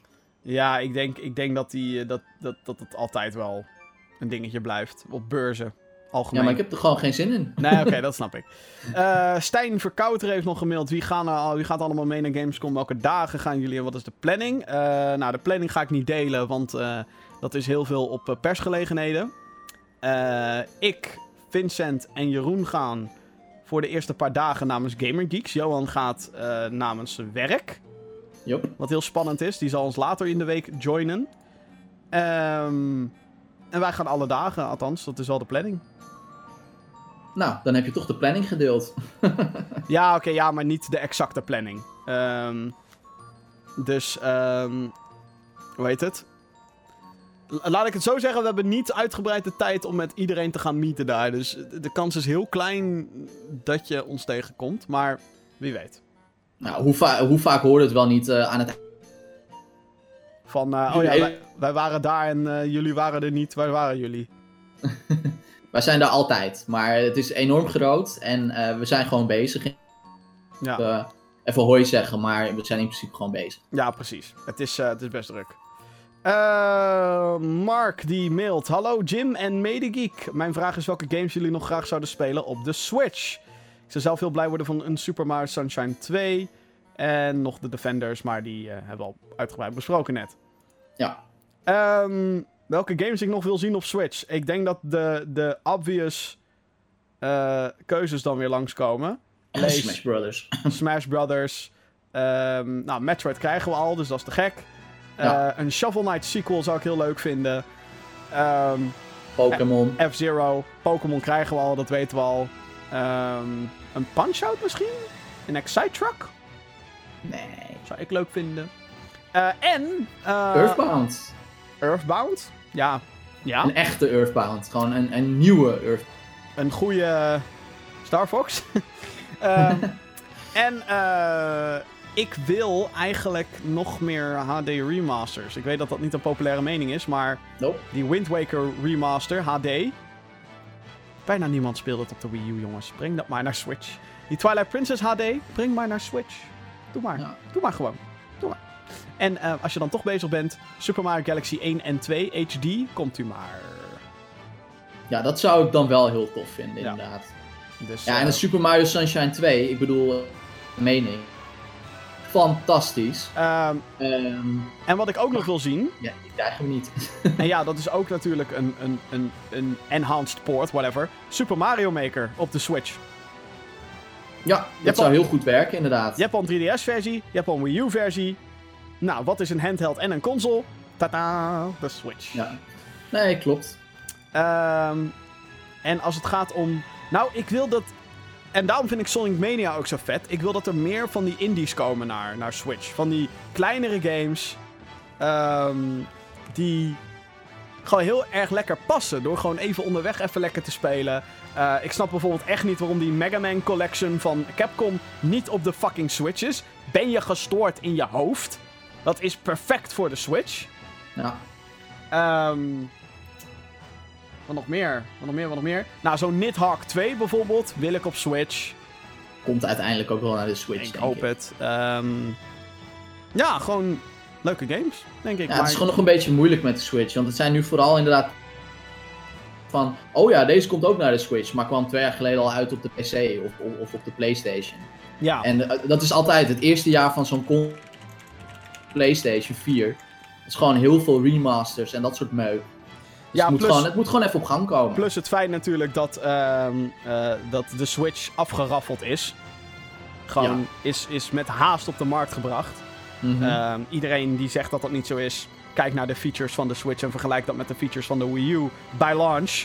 Ehm, als in Wii U had Netflix. ja, just saying. inderdaad. Ja. Dus eh, ja, er, is nog zoveel meer wat ik wil zien op Switch. Tuurlijk, eh, een, Crash Bandicoot trilogy zou leuk zijn op Switch. Maar is het nodig? Nee. Maar weet je wel, gewoon... En, en, Ja. en... Oké, nou als, als we dan nog een rare willen doen. Een Rayman trilogy. Of zo.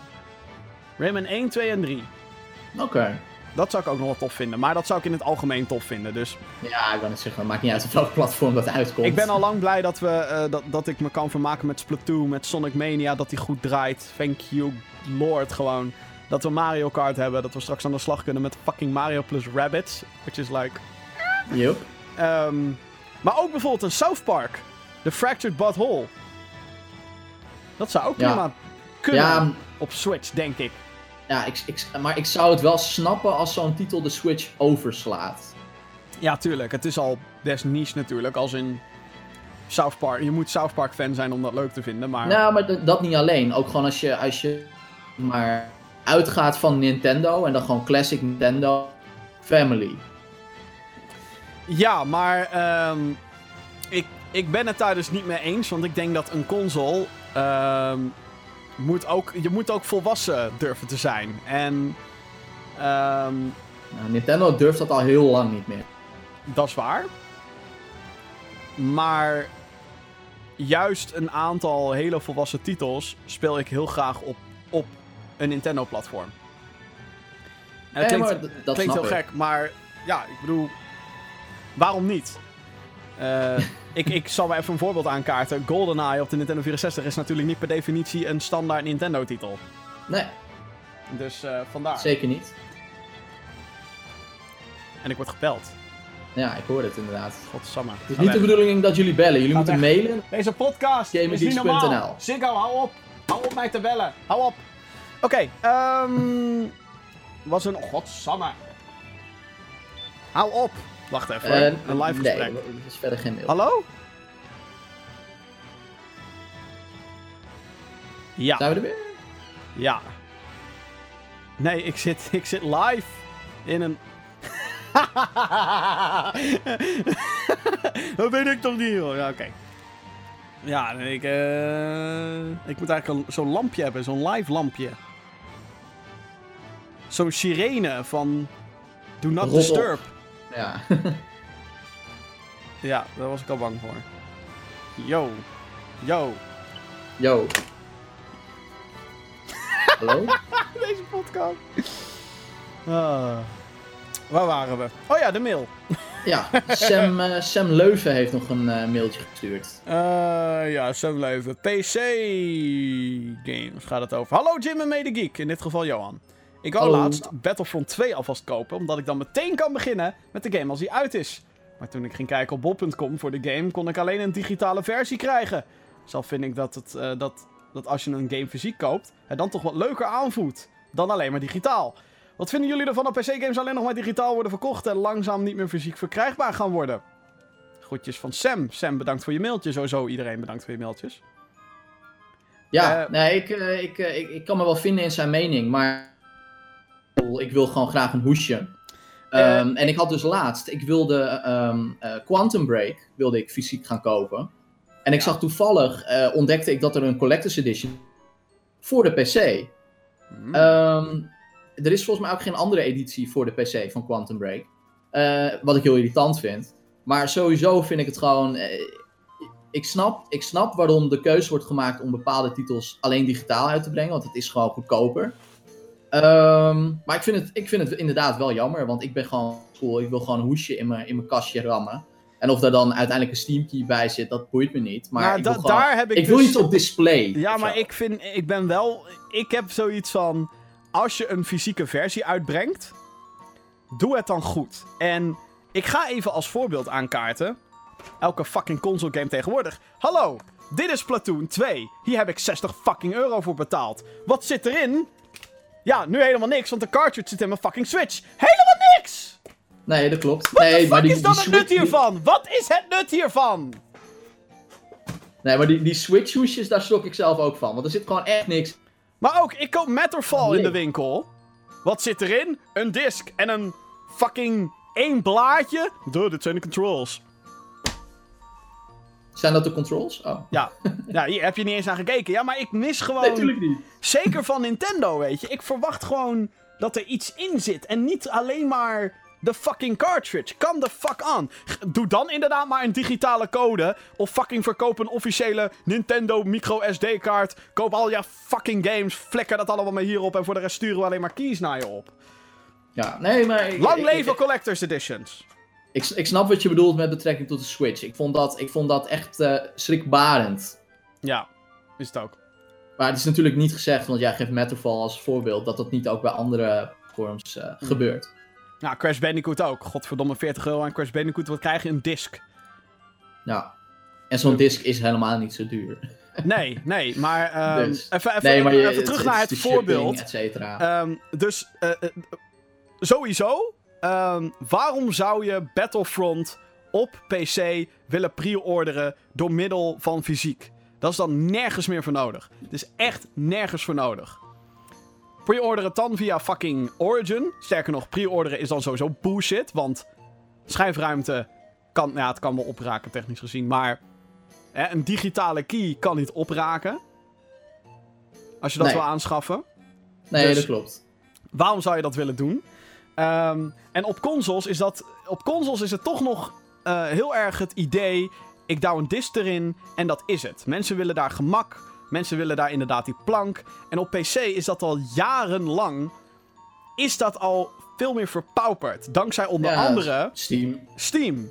En eh, in de jaren eh, 2000, eh, dus dan heb ik het over tussen 2000 en 2004, toen ging de grote doos al weg. Want het was Ja. niet nodig. Het is altijd, ehm, en dat is het interessante, altijd is alles wat in videogame hoesjes zit, is altijd het noodzakelijke zat erin.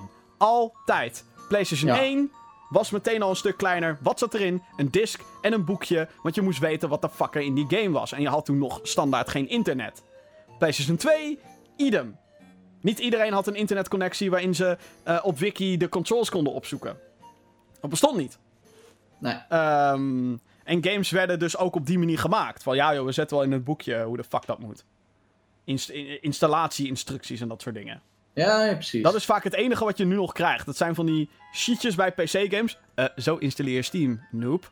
Of sterker nog, dat staat dan vaak op de DVD. Op de DVD staat dan, al- dan alleen een Steam-installer en een notepad. Zo installeer je Steam, noob. Ja. Dus, eh, eh, en dat is altijd al geweest. Altijd alleen wat er noodzakelijk is, zit in een videogame hoesje. Dus ja, vind ik het... is het dan raar dat het steeds minder wordt? Nee. Is het jammer? Zeker weten. Ja. Want Ja. je, je hebt daar gewoon nostalgische gevoelens bij, et cetera, et cetera. Maar ik weet zeker dat degene die nu opgroeien met videogames... en ik laat die mensen over tien jaar, zeg maar, een, een ouderwetse PC-game zien... de grote doos met een boek en bij en zo... dat die helemaal gaan wat zitten van, rommel. What the fuck? Is dit een collector's edition? What the fuck? ja, dat is toch gek? Ja, nee, maar Ehm, inderdaad. Inderdaad, die big en- box inderdaad. Die mis ik ook. Dus voor mij, als je dan Battlefront 2 koopt en het enige van waarde wat daarin zit is een Steam key, of in dit geval een Origin key, want Battlefront 2, EA. Waarom zou je dat dan nog fysiek willen hebben? Dan neemt het letterlijk alleen maar ruimte in beslag. Dat is het dan. Zonder dat dat, wil het die. iets toevoegt. Ja, maar waarom zou je dat willen? Ja, nou ja, dat- ik bedoel, dat- iedereen wil iets anders. Ik, bedoel, ik heb ook een zwak voor hoesjes, hoor, daar niet van. Maar met PC-hoesjes heb ik dan heel vaak zoiets van... Ja, met PC ben ik ook wel makkelijker, maar dat komt Nog een keer, want je valt van- weg. Ik heb dat ook met, eh, met PC, want eh, dat komt. Je, ja, je koopt gewoon veel makkelijker iets digitaal. Eh, en dan weet je al dat je geen hoesje hebt. Dus het, voor, op PC is het gewoon. Ja, een beetje erin geslopen of zo. Ja, ja want... ehm, oh ja, dat wou ik dus uitleggen. De- alleen maar noodzakelijke dingen werden in hoesjes gedouwd. Mhm. Dat werd steeds kleiner, want er was steeds minder nodig. Vroeger had je van die flight simulators of van die grote RPG's waarin letterlijk een boekwerk zat. Daarom waren die dozen zo groot. Ja, Of het werd dan nog gebundeld met iets. Dat is, dat is allemaal niet meer van toepassing. Nee, dat klopt. Eh, op een gegeven moment kwam de DVD eraan, dus je had geen 80 CD's meer nodig om bepaalde games te kunnen installeren en opstarten. Eén dus- schijfje. Ja, dus gingen we naar de DVD. En nou, als er dan twee DVD's in moeten, whatever. Ehm, als je nu, ik heb volgens mij Battlefield 1 op disc liggen. Heb ik ook nooit gebruikt trouwens. Maar er zitten dus vijf DVD's zitten dan in één zo'n hoesje gepropt. Jezus. Maar het lukt dus wel. Eh Mafia 3 hetzelfde trouwens. Ook- GTA 5, ook volgens mij Ja. 5 of 6 CD's. Ja, ook fucking veel, ja. Die heb ik volgens mij toen wel via disc geïnstalleerd. En dat duurde lang. Oh my god, wat een drama. Ehm, maar eh, eh, ehm, PC-gaming ging natuurlijk een tijd naar de kloten. Omdat piracy een ding was. Piraterij. Iedereen downloadde PC-games. Iedereen. Echt iedereen. Ik ook toen. Ook jij. Ja, En toen kwam Steam en toen was het van, oh, dit is gemakkelijk, dit is legaal, het kan alleen maar via die manier. Precies. En zo is PC-gaming eigenlijk weer een beetje. eh, is weer populair geworden. Nou ja, populair ook onder de ontwikkelaars en zo. Want die hadden zoiets van: hé, hey, we worden niet standaard meer.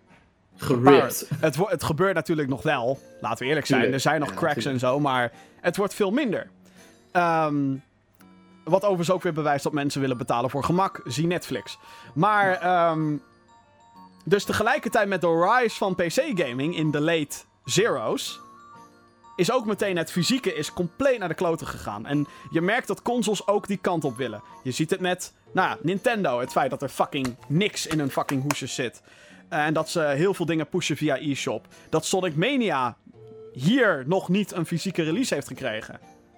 What? Nee. Dat is Nee, gewoon echt. weird in mijn, in mijn ogen. Ja, klopt. En ik wil trouwens die fucking Collector's Edition hebben. Fuck jullie. Ehm, dus ja, eh, eh, wat vind ik ervan? Ja, ik vind het jammer. Ehm, ik snap het. Maar wat ik dan extra jammer vind, vind ik dan, is dat heel veel Collector's Editions dan vervolgens ook niet meer voor PC verkrijgbaar zijn. En dat Ja, vind ik bullshit. Dat, dat is een gevolg, inderdaad. Dat vind ik bullshit. Gelukkig heb ik South Park en Assassin's Creed Origins beide Collector's Editions voor de PC. Want fuck de norm. Maar er zijn gewoon Collector's Editions die ik heb geskipt. Niet omdat ik ze niet wilde, maar omdat het dan niet voor PC was. Ja. Nee, en ik kan klopt. nu even geen voorbeeld opnoemen, maar ik kan me dat wel herinneren dat dat vorig jaar echt een ding was. Ja, maar dat Volgens klopt. Heel veel Collector's Editions. Ja, en dat vind ik Ja. echt, eh, dat vind ik kut. Dus ehm, ik hoop dat dat verbeterd wordt. Ehm, dus ja, eh, Battlefront 2, ik heb daar overigens wel heel veel zin in. Even tussendoor. Eh, Ik ben benieuwd. Vooral in de storyline. Hmm, ja. Ja, ik wil gewoon die multiplayer battle zien met eh, al die Jedi shit. Heerlijk. Yes. Eh, nog een mailtje. En ehm, dit is meteen het gesprek van de dag. Dun, dun, dun. Want dit vind ik een prachtig onderwerp. Een mailtje van Bob. Bob, dankjewel. Hoi Gamergeeks. Steeds vaker zie ik online of televisie kinderen slash vol- volwassenen die te maken hebben met een ernstige gameverslaving. Zelf vind ik het wel eens leuk eh, een zaterdag met games te vullen, maar ik kan mezelf heel goed in bedwang houden.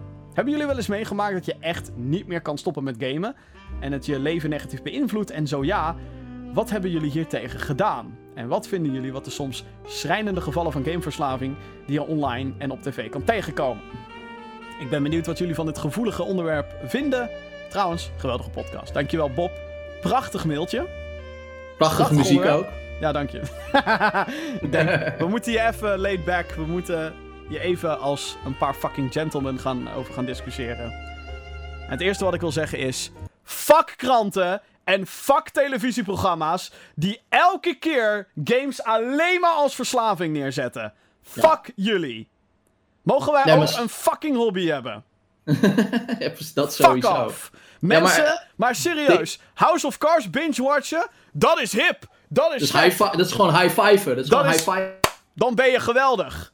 Ja. Speel je vier uur achter elkaar een game, ben je een fucking nerd. Fuck Ja, dan, ben je off. niet goed bij, dan ben je niet goed bij je hoofd. Fuck dat is echt off. tijdverspilling. Dat is echt tijdverspilling. Eh, dat is punt 1. heel vaak worden gameverslaving wordt zo negatief neergezet in... Ik zal het maar heel, heel, ehm, heel disrespectful de oude media noemen. Ja, Ehm, ab- absoluut. En, en soms is dat letterlijk omdat er oudere mensen in het bestuur zitten of bepaalde programma's nog presenteren, waardoor ze niet echt weten wat de jongere generatie allemaal doet en meemaakt. Ehm, Laat ik dit vooropstellen. Games zijn niet meer alleen maar voor mensen zoals ik. De bleke man met een brilletje op, die niet super slank is, die inderdaad graag zijn tijd spendeert aan videogames. Doe ik dat de hele fucking dag? Nee, ik hou dat, ik, ik hou dat niet eens vol. Dus ben ik verslaafd? Nee.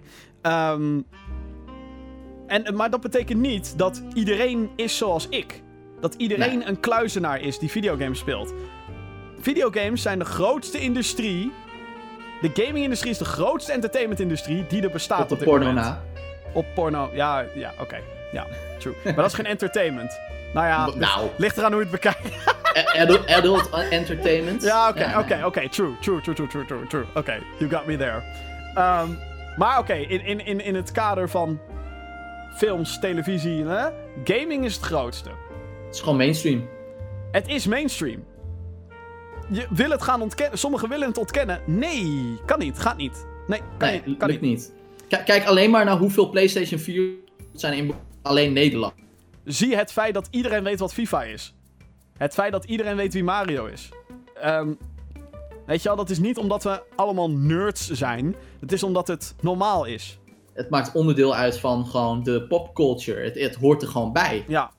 Ehm, dus dat wilde ik even voorop zeggen. Maar ben jij wel eens verslaafd geweest, Jim?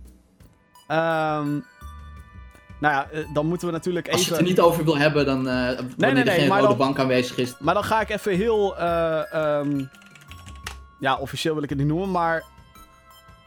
Ik heb nu even het woord verslaving gewikied. Natuurlijk, niet alles wat op Wikipedia staat is, is de Ja, maar dat is heel belangrijk. De definitie van een... Exact, de definitie van Daar verslaving. gaat het mis. Verslaving is een toestand waarin een persoon fysiek en of mentaal van een gewoonte of stof afhankelijk is. Afhankelijk is. Ja. Zodanig dat hij slash zij deze gewoonte of stof niet of heel moeilijk los kan laten.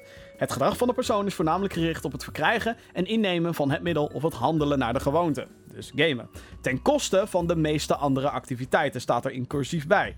Als het lichaam deze stof of gewoonte dan moet loslaten, kunnen er ernstige ontwenningsverschijnselen optreden bij deze persoon. Kunnen is natuurlijk niet verplicht hier. Nee. Ehm, in die zin heb ik nooit een gameverslaving gehad. Ik heb natuurlijk wel gehad. Oh shit, ik wil dit spel heel graag spelen. Fuck, ik moet werken of eh, toen nog naar school. Of hè, ik, ik moet eigenlijk slapen. Ehm, nou nee, zelfs dat niet. Als ik echt fucking moe ben, ga ik gewoon slapen. Dan kan ik toch niet meer effectief spelen. Dus waarom zou ik? Nee, dat heeft geen enkele zin. Eh, het is natuurlijk wel zo dat ik langer doorga. Hè, dat ik minder slaap, omdat ik dan heel graag een spel wil spelen. Maar.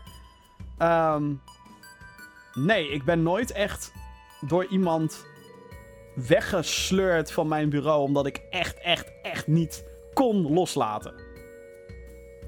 Nee, en ik denk dat dat soort gevallen, en eh, vaak in die televisieprogramma's gaat het dan vooral over die online games, weet je wel. Warcraft. Eh, waar mensen gewoon hun ziel en zaligheid in stoppen. Ja, en, World of Warcraft eh, inderdaad. ik, heb, ik heb dat zelf ook even gespeeld. En ik, ik snap het effect.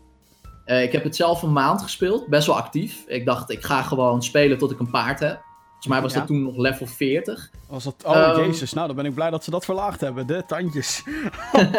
Was level 40 of level 30 was dat. En ik dacht van, ik fuck it, ik ga dat gewoon doen. En eh, ik vond het ook leuk. Ik vond het ook leuk, maar op een gegeven moment kwam je in zo'n zo'n clan en dan waren er raids. En dan was het van, ja, eh, om 6 uur eh, s s'avonds hebben wij een raid bezig zijn en bla bla bla.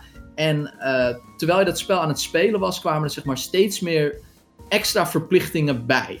Eh, dan heb je natuurlijk ook nog die online subscription. Je hebt er al voor betaald, dus je, je moet ook wel spelen, want anders heb je het gevoel dat je geld weggooit. Dat is overigens de reden waarom ik nooit een abonnement heb genomen op World of Warcraft. En dat nooit Eerste zal 30 doen. dagen gratis. Ja, ja, maar precies. Maar da- dan voel je al soort van verplicht. Oh, als je Ja, de dat tijd... eh, nee. Nee, dat klopt. Maar goed, eh, dus er komen allemaal andere verwachtingen van.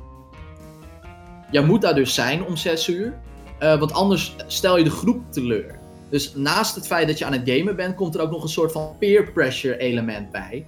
Ehm, dus qua online gaming vind ik het sowieso al een heel ander verhaal dan wanneer je PlayStation aanslingert voor een singleplayer game. Want ik bedoel, jij zei het al, van, eh, dan ga ik later naar bed omdat ik dan eh, die game wil spelen. Dat doen mensen ook met film. Dat doen mensen ook met televisie. Exact. Dat doen mensen ook met boeken. Weet je, ik bedoel, het is gewoon een vorm van entertainment die jij, die jij absorbeert. Ja. Ehm, ja, en wat jij, wat jij al zei, weet je wel. Morgen. En zegt van, nou, de Defenders, ik heb het allemaal gezien, weet je wel. Kun je het hele kantoor afgaan, kun je gaan high-fiven. Ja. Maar als je dat bij eh, een andere groep mensen zou doen en zegt van nou, ik heb, eh, heb wel even flink wat stappen gemaakt. Ik heb eh, heel eh, Sonic Mania uitgespeeld eh, dit weekend. Sonic Mania, wat is dat? Huh? Ja, dat is Wat ben je? Een nerd? een computerspelletje. Je hebt, je hebt, de hele, je hebt het hele weekend spelletje zitten spelen. Ben je niet goed bij je hoofd? Ja. Ik heb lekker zitten Netflixen. Dat was echt, echt top man. Een goede serie, bla bla bla. Je bent geen haar beter. Snap Je bent gewoon enthousiast over iets. En dat, Ja. dat, dat ga je doen. Ja. Ik wil overigens hiermee niet ontkennen dat inderdaad gameverslavingen niet bestaan. Eh, er zijn inderdaad mensen die... Het is een probleem, Het- tuurlijk. er is een probleem, maar dat is net als met het binge-watchen en met het eh, eh, Netflixen. Sterker nog, er was laatst zo'n onderzoek naar geweest dat echt iets van... Heel veel mensen verliezen heel veel slaap door Netflix. Ja, dat was inderdaad dat het niet gezond is om te binge Oh, maar daar ook weer, hè. Googelt van een verslaving. Maar wat, wat is dan bingen? Is dat twee afleveringen? Zijn dat drie afleveringen? ja. Zijn dat vier afleveringen? Weet je? Het moet wel, het moet wel gedefinieerd worden. Want Ik denk ook niet dat het eh, een. Er is volgens mij ook geen definitie van tijd. En dat is ook niet nodig. Ehm, ik heb gewoon zoiets van... Als jij plezier haalt in je tijd steken in datgene wat je doet... En dat kan van alles en nog wat zijn. Als je maar niet andere mensen er kwaad mee doet. Dat is dan de enige voorwaarde die ik daarnaast dan nog heb. Ehm, weet je, ga dan vooral je gang. Ehm, nogmaals, mits je anderen daar dus niet mee bezeert. Ehm, Nee, en inderdaad, als je gewoon de normale dingen blijft doen. Ja, eh, je familie af en toe opzoekt. Als je gewoon, als je gewoon niet in een isolement raakt. eh, en je andere dagelijkse dingen, zeg maar, daaronder te lijden hebt. Als dat niet gebeurt, dan ben je niet verslaafd. Ja, ik bedoel, ik, ik ga even een voorbeeld nemen uit de Gamer Geeks community. Oh jee. Er zijn gewoon mensen die elkaar hebben ontmoet door middel van urenlang met elkaar over te zitten overwatchen. Bij Ja, wijze van. klopt. Die spreken met elkaar af. eh, en dat is zo'n mooi iets. Ben je dan verslaafd als je de hele dag met elkaar kan optrekken in Overwatch? Nee. Nee. Want iedereen kan op elk moment zeggen: Ik heb er geen zin meer in, ik ben weg. Ik ga naar bed. Ik, Ik ga naar ik bed, naar mijn ik oma. moet werken, ik moet...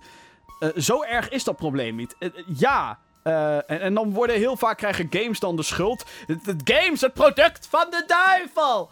Eh, dat ze dan expres games zo maken dat het bepaalde stoffen aanmaakt. Dus dan ben je verslaafd en dan geef je er geld aan uit. Ehm televisieseries doen exact hetzelfde met hun fucking cliffhangers. Gaan we dan ook nog de, de schrijvers van GTSD aanklagen omdat zij elke fucking dag een cliffhanger erin doen? Tuurlijk niet. Dat is waarom mensen blijven kijken. Dat is waarom je blijft spelen. Dat is de hoek. Willen ze dan expres dat ze meer geld... Tuurlijk wil zo'n bedrijf meer geld verdienen. No shit. Maar het is natuurlijk aan de persoon zelf... Hè, of ze eh, eh, de verleiding kunnen weerstaan in die zin. exact. exact. En dat, maar dat ligt bij die persoon, dat ligt niet aan de game. En hey, als Nee. een game eh, eh, hè, helemaal niet verslaafd... Kijk, elke game heeft wel een, een, een dingetje van verslaving, waardoor ook ik het leuk vind. Ik vind het leuk als je upgrades hebt. Ik vind het leuk als je ehm, hè, echt een vorm van progressie hebt. Daarom heb ik best wel veel moeite eh, met games zoals Zelda bijvoorbeeld, waarin het zo fucking huge is dat ik gewoon niet weet welke kant het op, ik op moet. Of Ja. met een Minecraft, waarin ik ook niet weet welke kant ik op moet. En dan kan je daar natuurlijk de progress of de vooruitgang kan je daarin vinden door iets te bouwen. En weet je wel, ik snap, ik snap dat wel. Maar voor mij werkt dat dan niet. Nee, precies. Ehm, ik heb datzelfde. Ja. Dus het is. ehm, en natuurlijk, televisie en, en kranten ehm, laten vaak natuurlijk de meest ergst- ernstige gevallen zien. Ik werk Ja. zelf bij de televisie, ik weet donders goed hoe het werkt. Ehm, alleen is het helaas zo dat heel vaak, niet altijd natuurlijk, maar heel vaak bij bepaalde dingen, zeker als zo'n issue wordt aangekaart, dan worden er allemaal informatie wordt er op je afgegooid die niet per definitie waar is. Dat bijvoorbeeld een onderzoek over. ehm, er was laatst ook zo'n onderzoek dat jongeren minder eh, die, die werkeloos zijn, minder aan het solliciteren zijn door videogames. Ja, klopt inderdaad. Ja. Dat was pure bullshit. Dat was een aanname van een journalist uit Washington. Een aanname. Dat stond nergens in het onderzoek stond dat. Was een aanname die vervolgens is overgenomen door iemand hier. En zo verspreidt zich dat dus. Als Waardoor, nieuws. waardoor overal inderdaad als headline staat... hey, videogames zorgen ervoor dat mensen... dat jongeren minder snel gaan solliciteren. Ja. Wat? Jo- jongeren zijn lui. Ja, Basically. Jongeren Maar- zijn lui en, zitten liever te gamen. maar dat was op dus inderdaad de aanleiding. Jongeren zijn over het algemeen lui. En doen dus liever andere dingen. Waaronder videogames.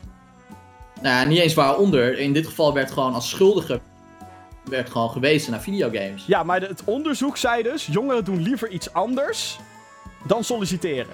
En Ja, daaronder duh. valt dan inderdaad videogames. No Ja. shit. En eh, eh, een van de meest hilarische dingen, volgens mij was dat een, weer zo'n columnist. Echt columnisten en videogames. Wat een slechte combinatie is dat. Ehm, maar zo'n columnist die dan volgens zei ja, want videogames zijn goedkoop. Oh ja. ja, die man ook. ik Ja. heb hem nog een tweet gestuurd. Ik weet het, er zijn free-to-play games, maar videogames over het algemeen goedkoop. Ik weet niet hoor. Eh, Je hebt een hele dure hobby. hier is 60 euro. Eh, waar is mijn fucking platoon hoesje? 60 euro. Mijn fucking muis die ik hier heb. Fucking 80 euro. Nee, games zijn niet goedkoop. Hou Nee. op. Maar dan merk je dus weer dat mensen die daar uitspraken over doen in de media. En die dan helaas ook het podium krijgen in de media. Ik denk dat dat ook gewoon een niet. probleem is. Die snappen het niet. Die weten, die hebben niet door met hun fucking tunnelvisie. Dat eh, er meerdere generaties zijn. Die misschien jonger zijn of die dingen net iets anders meemaken. Waardoor ze juist wel heel veel met videogames in aanraking zijn gekomen. Ja, maar dat, dat, dat, dat is het ding. Het wordt alleen maar belicht van een soort van. eh, weet je, het is niet erg als je onwetend bent. Nee, Alleen ga dan niet dingen verkopen als, als zijnde feit. Ja.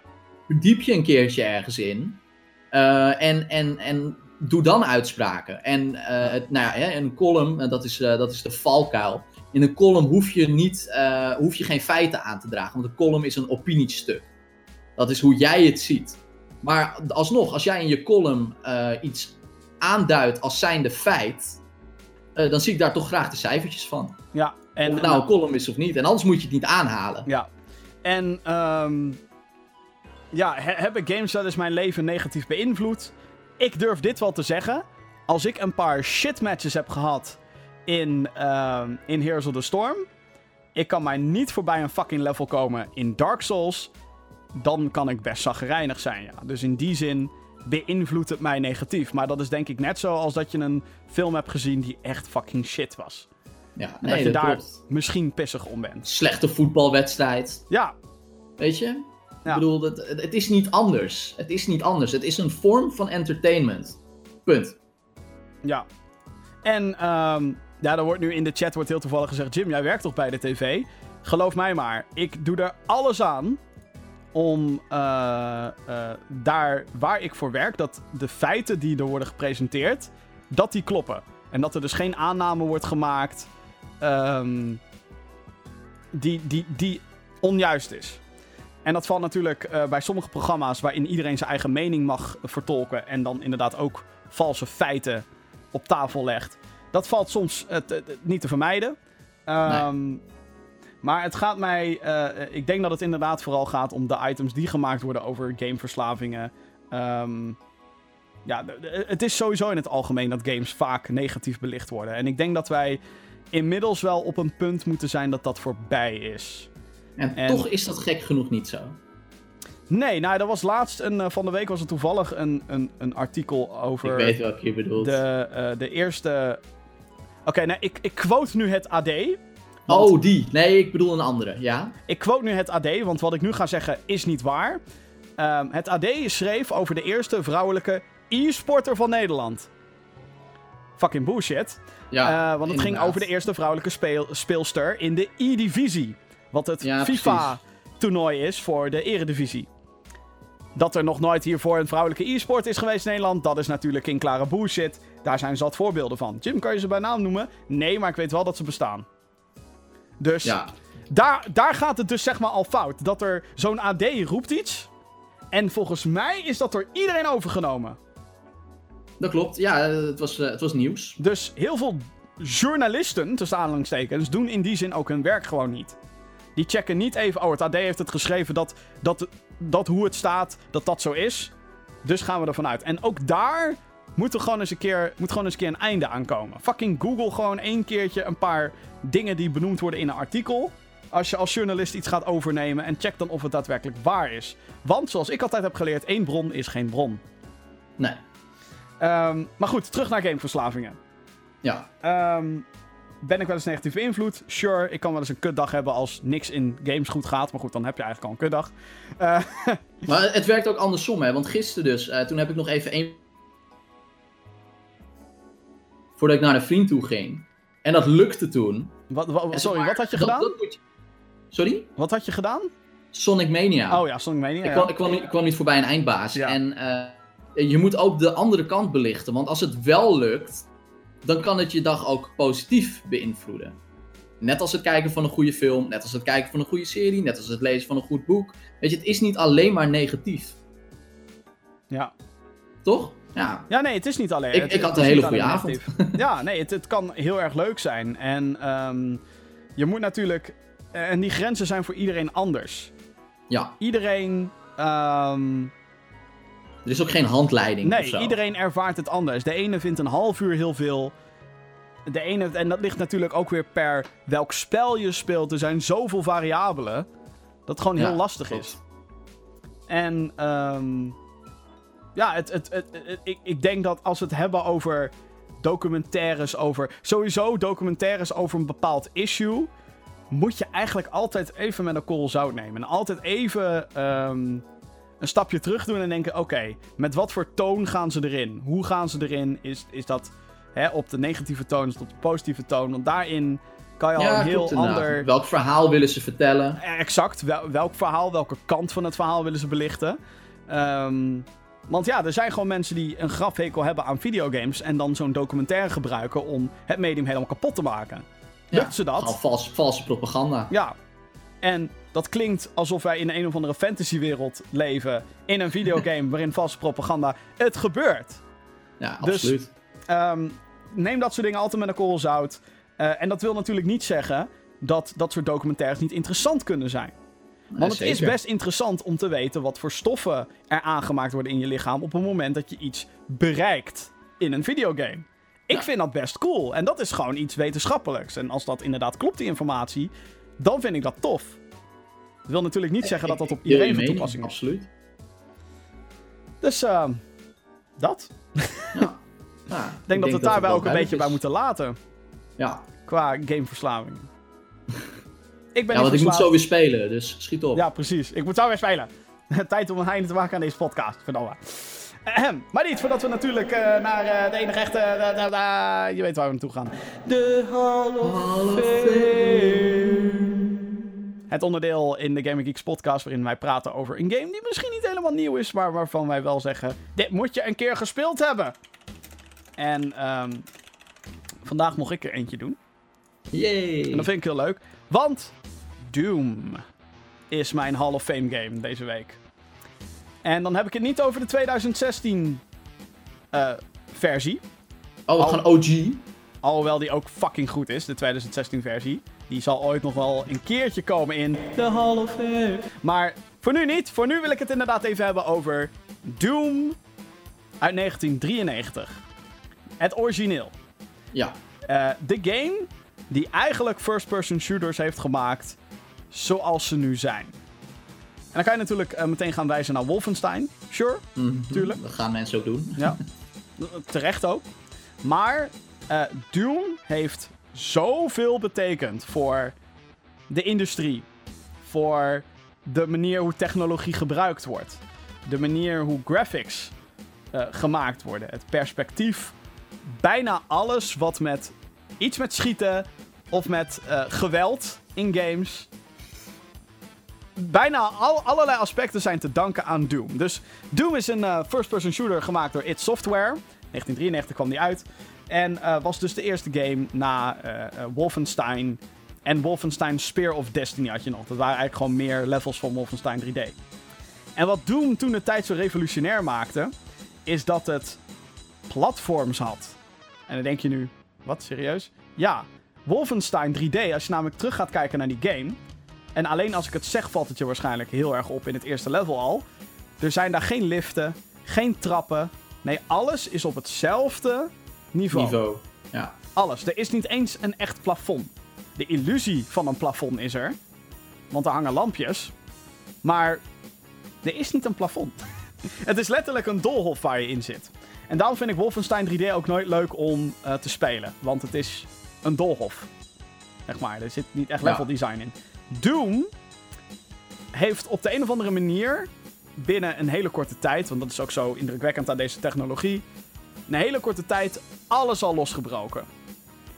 En in die zin is Doom ook een soort van leugen, want Doom kan je zien als een 3D-game, maar dat is het op sommige fronten niet. En laat me dat uitleggen. Dus Doom was de eerste 3D-game, tussen aanhalingstekens 3D, waar je dus een lift had. Je kon naar boven en je kon naar beneden. Je had trappen. Je had eh, dat je naar beneden kon vallen. Maar, en dit is zeg maar ingenious, en het is ook heel erg grappig als je nu ineens naar het level design gaat kijken van Doom. Ehm, ja, je had boven en naar beneden in Doom. Maar het is niet zo dat je meerdere niveaus had. Dus het was eigenlijk nog allemaal één level. Het was alleen een soort optische illusie qua waar je was. Want eh, je had dan wel een lift, maar dat betekent niet dat onder die lift nog een extra kamer kon zijn waar je naartoe kon lopen. Dat kan gewoon niet in Doom. In die engine. Dat was allemaal niet mogelijk. Dus het was een soort illusie. Ja, je kan naar boven en naar beneden. Maar het is niet zo dat er twee kamers bovenop elkaar konden zitten. Wat eigenlijk heel interessant is als je daarover nadenkt. What the fuck? Ja. En als je nu naar het level design van Doom gaat kijken met deze kennis, is het van, oh ja, fuck, er is inderdaad nooit een kamer boven en beneden. Wat bizar joh, dat Ja. ik helemaal niet. En wat daar ook grappig aan is, is dat de manier hoe Doom werkte, is met hitscanning. Dus als je ook al richtte je je gun gewoon recht vooruit, als je schoot, werd een vijand boven geraakt. En dat is zeg maar het bewijs dat het wel een soort horizontaal plane is, maar dat de illusie dus wordt gewekt dat je naar boven en naar beneden kan. Dus het is een soort trucage die ze daar hebben gebruikt. Waardoor het, die heel veel games daarna nog gebruikten. In diezelfde engine ook natuurlijk. Want het leek 3D, maar het was het niet echt. What the fuck? Ja. Oké. Dat is, dus dat is awesome.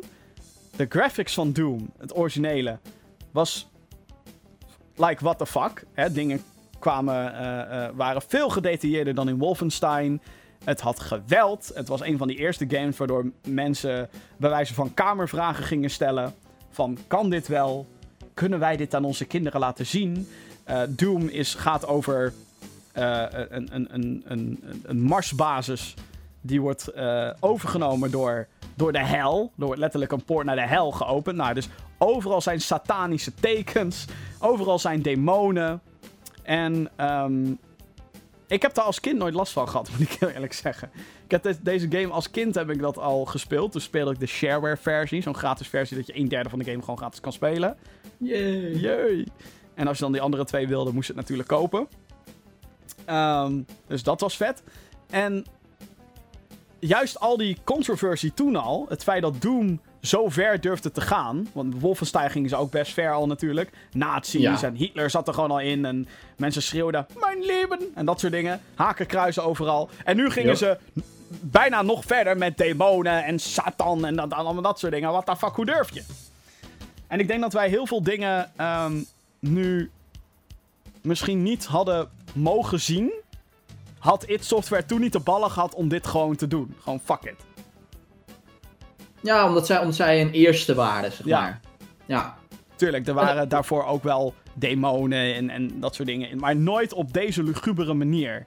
Ze spatten uit elkaar, bloed overal, fucking Ja. torso's. Ja, het was, die- het was heel ballsy inderdaad. ja het, het is eigenlijk heel gruwelijk. Ja. Ehm, Maar omdat het zo pixelig is allemaal, neem je het ook weer niet zo serieus. Althans, dat deed ik als kind nooit. Ik zag het, ik was er getuige van, maar ik realiseerde me niet wat daar nou eigenlijk gebeurde. Nee.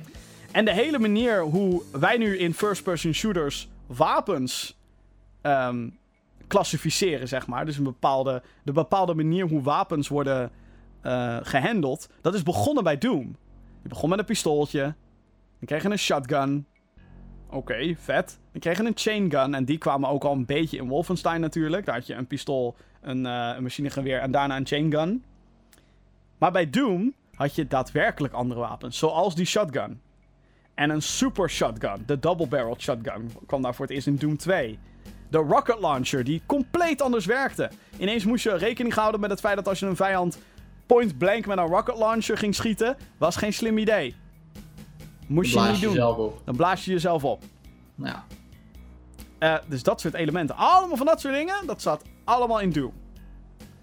En het mooie van Doom vind ik, behalve de vette muziek, de graphics, de gameplay is nog steeds leuk. Als je nu Doom gaat spelen door middel van een, eh, je hebt een soort van third-party engine, dat heet bijvoorbeeld Z-Doom is daar een voorbeeld van. Als je daarmee de originele Doom-file opent, dan kan je het in 1080p spelen. Zijn er pixels, je kan er dingen aanpassen, je kan anti-aliasing erop gooien. Je hebt een shitload aan fucking mods, waaronder Brutal Doom, die reloaden toevoegt, die executables toevoegt, en, of execu- executions toevoegt, en dat soort dingen. Het is een van de eerste games die echt een modding community starten. Mensen gingen daar Watts voor, Watts heten die dingen, Watts voor maakten. En het is de game die de term deathmatch heeft verzonnen. Online multiplayer, wat ik nooit heb gedaan in Classic Doom. Maar het feit dat dat daar allemaal ontstaan is. En wat ik dus zelf het magische vind, is als ik nu Doom opstart, ben ik zo weer twee uur verder. Nee, ik ben niet verslaafd aan Doom. Ik waardeer Doom heel erg. Voor wat het was, maar ook gewoon hoe het nog steeds speelt. Want het is nog steeds. Die balans in die gameplay is nagenoeg perfect. En dat level design is zo fucking ingenious gewoon. Hoe de keys zijn geplaatst van die deuren. Hoe eh, eh, eh, dingen open gaan en dicht gaan. Het was volgens mij ook een van die eerste games die invincible triggers had. Dus onzichtbare dingen dat als je daar liep. Ging er ineens een deur ergens open. Dat was toen ook. Ze probeerden daarmee al een paar horrormomenten neer te zetten. Dat ineens de lichten uitgingen en dat er dan een deur open ging met monsters erin. Ja, als je dan naar die game kijkt, denk je... pff, dit moest eng zijn toen. Ja, daar hadden ze gewoon de capability niet voor. De grafische kracht niet. De... Maar ze probeerden het wel. Onder andere ook met die muziek, die voor een groot deel was gebaseerd op heavy metal. Wat ook natuurlijk heel veel satanische dingen heeft. Dus die tonen kwamen er allemaal in die game. Dus de. En, en dat vind ik gewoon zo knap aan het hele gegeven Doom. Alles is iconisch. Iedereen het was weet. re- revolutionair eigenlijk. Het was revolutionair, maar het blijft leuk. Het blijft leuk om te spelen. En op een of andere gekke manier ook leuk om naar te kijken. ja. En dat vind ik zo, zo bijzonder aan dit spel. Zo, iedereen weet hoe die Space Marine eruit ziet met zijn hoofdje die zo om zich heen kijkt. Dus natuurlijk, van Wolfenstein kwam dat al. Iedereen kent dat deurgeluidje dat... Als ik die weer ergens hoor, zit ik in een film ook dan... Hè? Doom? Wat? Wat gebeurt hier? En ehm, ja, ik, ik. En er zijn zoveel... Doom is nooit weg geweest. Doom is een game die altijd ergens is gebleven. De PC-versie kwam uit. Daarna was er controversie over de Super Nintendo-versie. Dan kwam er een versie naar de 3DO. Dan kwam er weer een versie naar de PlayStation 1. Dan kwam die naar de Game Boy Advance. En zo is al die jaren is Doom altijd relevant gebleven. Doom werd jarenlang gebruikt als een soort test. Hoe krachtig is onze console? Vraagteken. Kan het Doom draaien? Ja. Uiteindelijk is dat... Benchmark-achtig ding. Ja, uiteindelijk is dat natuurlijk een soort van weggeappt. Want hey, een game wordt nou eenmaal oud. Maar tot op, denk ik, de Xbox 360 versie... waren er Doom ports met een beperking. Levels werden eruit gehaald. Muziek werd eruit gehaald. Vijanden, eh, een paar vijanden werden eruit gehaald. Want er was maar zoveel geheugen. De PlayStation Ja. 1 versie is daar een goed voorbeeld van. Die heeft een aantal levels niet. Omdat het een paar vijanden niet heeft. Want er is maar zoveel geheugen wat er in een PlayStation zit. Als in eh, eh, ra- RAM-geheugen. Dat soort Mhm. dingen. Dat is echt Ja, precies. fucking crazy. En dat begon allemaal in 1993. Dames en heren, de first-person shooter. Je hebt dat te danken. Ja, ook je Call of Duties. Je hebt het te danken aan Doom. Met daarvoor Wolfenstein 3D. Nou, met recht dus in, de, in onze Hall of Fame. Oh. Zo. Als er één game is die het verdient, dan ehm, is, dit, eh, is dit er eentje. Goed. Zo, Nou, ik, een eh, leuk aantal feitjes die ik nog niet wist. Nee, nou, dat eh, het, is, het is zo. Gewoon zo fucking mindblown, jongen, die game. Het is echt ongelooflijk. Echt geweldig.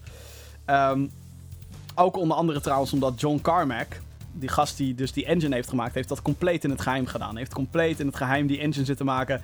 Ja, whatever. Maken jullie maar een of andere. Een of andere fucking Wolfenstein sequel, nieuwe levels. Ik ga mijn engine maken in het geheim. Dus. Oké, ga naar de release lijst. Voordat we een einde gaan maken aan deze podcast, die echt veel te lang duurt. Oké, Yes. eh, de releaselijst. Uncharted The Lost Legacy komt op 22 augustus uit voor de PlayStation 4. Woehoe! Daar hebben we natuurlijk met z'n allen super veel zin in. Eh, Dikke pre-order. Hadza. ja, heb je hem gepreorderd, ja? Is zeker weten. Ja, oké. Ik, ehm, ik heb tot een of andere manier niet echt de behoefte om... eh, om dit, Ik wel, maar ik ben ook verslaafd, dus ja, weet je. Oh ja, ja. Daar was ik bang voor, ja. Eh, volgende release, eh, Chroma Gun. Op 22 augustus komt hij uit. Dat is de PlayStation 4 release. Moet ik zeggen, want hij is al een, bijna een jaar verkrijgbaar op PC, Steam. En daar komt ook een anniversary update voor. En wat Chroma Gun is, is zo, van wat ik ervan begrijp, een soort Portal, maar dan met wat meer kleurtjes. Nooit, nooit van gehoord. Maar goed, hij komt dus naar PlayStation 4 deze week. Yay. The Escapist 2 komt uit, ook op 22 augustus voor de PC, PlayStation 4 en Xbox One. Eh, Zo'n pixel game waarin volgens mij uit een gevangenis moet ontsnappen. Ik heb de eerste nooit gespeeld. Ik ook niet. Wel grappig, het is zo'n... ehm, De eerste is een early access succesverhaal. Oh, is dat zo? Grappig. Ja, dat ook eh, zo'n early access game die jarenlang daarin heeft gezeten. En dan vervolgens uitkwam en eigenlijk gedurende zijn hele run succes heeft eh, meegemaakt. Wat ook En nu eh, dus het tweede deel. Wat natuurlijk ook een aangenaam, eh, ook een aangenaam iets is om te horen, behalve early access is shit. Kan of te goed zijn. Precies. Guardians of the Galaxy Episode 3, de Telltale game is dat. Eh, 22 aus- augustus komt hij uit. Eh, ja, ik speel gewoon bijna geen Telltale dingen, dus. Nope.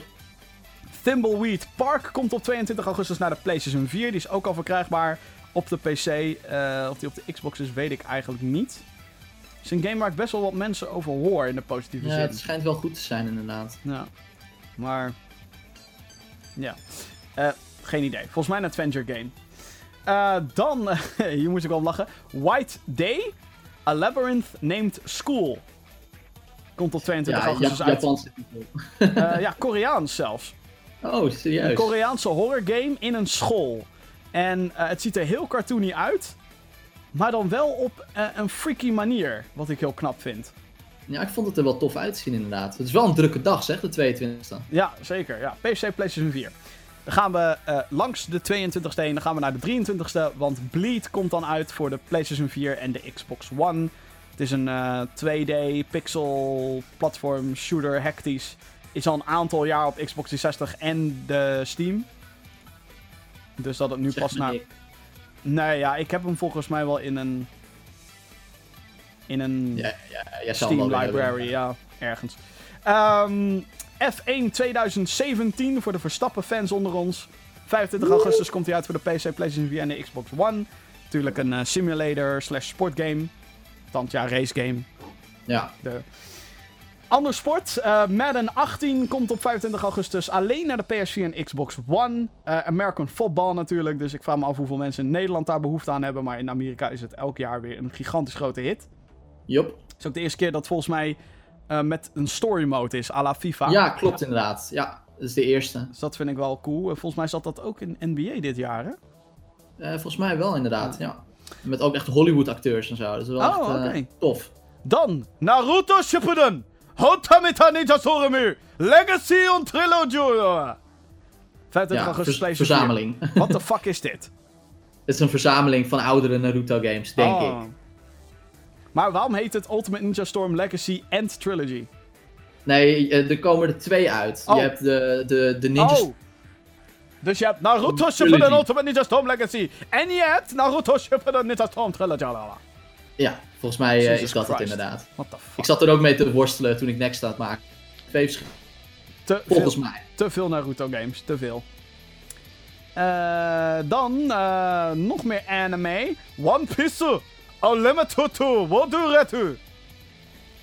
Ah, One Ja. Piece Unlimited World Red. Mijn excuses. Ja. 25 augustus voor de PC en PlayStation 4 komt in september ook naar de Switch.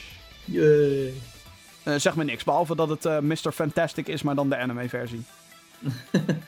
Nee, ik, eh, ik ken ervan, maar ik, eh, dit is niks voor mij. Jij was toch best wel Naruto? eh, Ja, ik heb Naruto heb ik best wel een tijdje gevolgd. En een aantal van die Naruto zijn ook echt fucking goed. Oh, oké. Dus.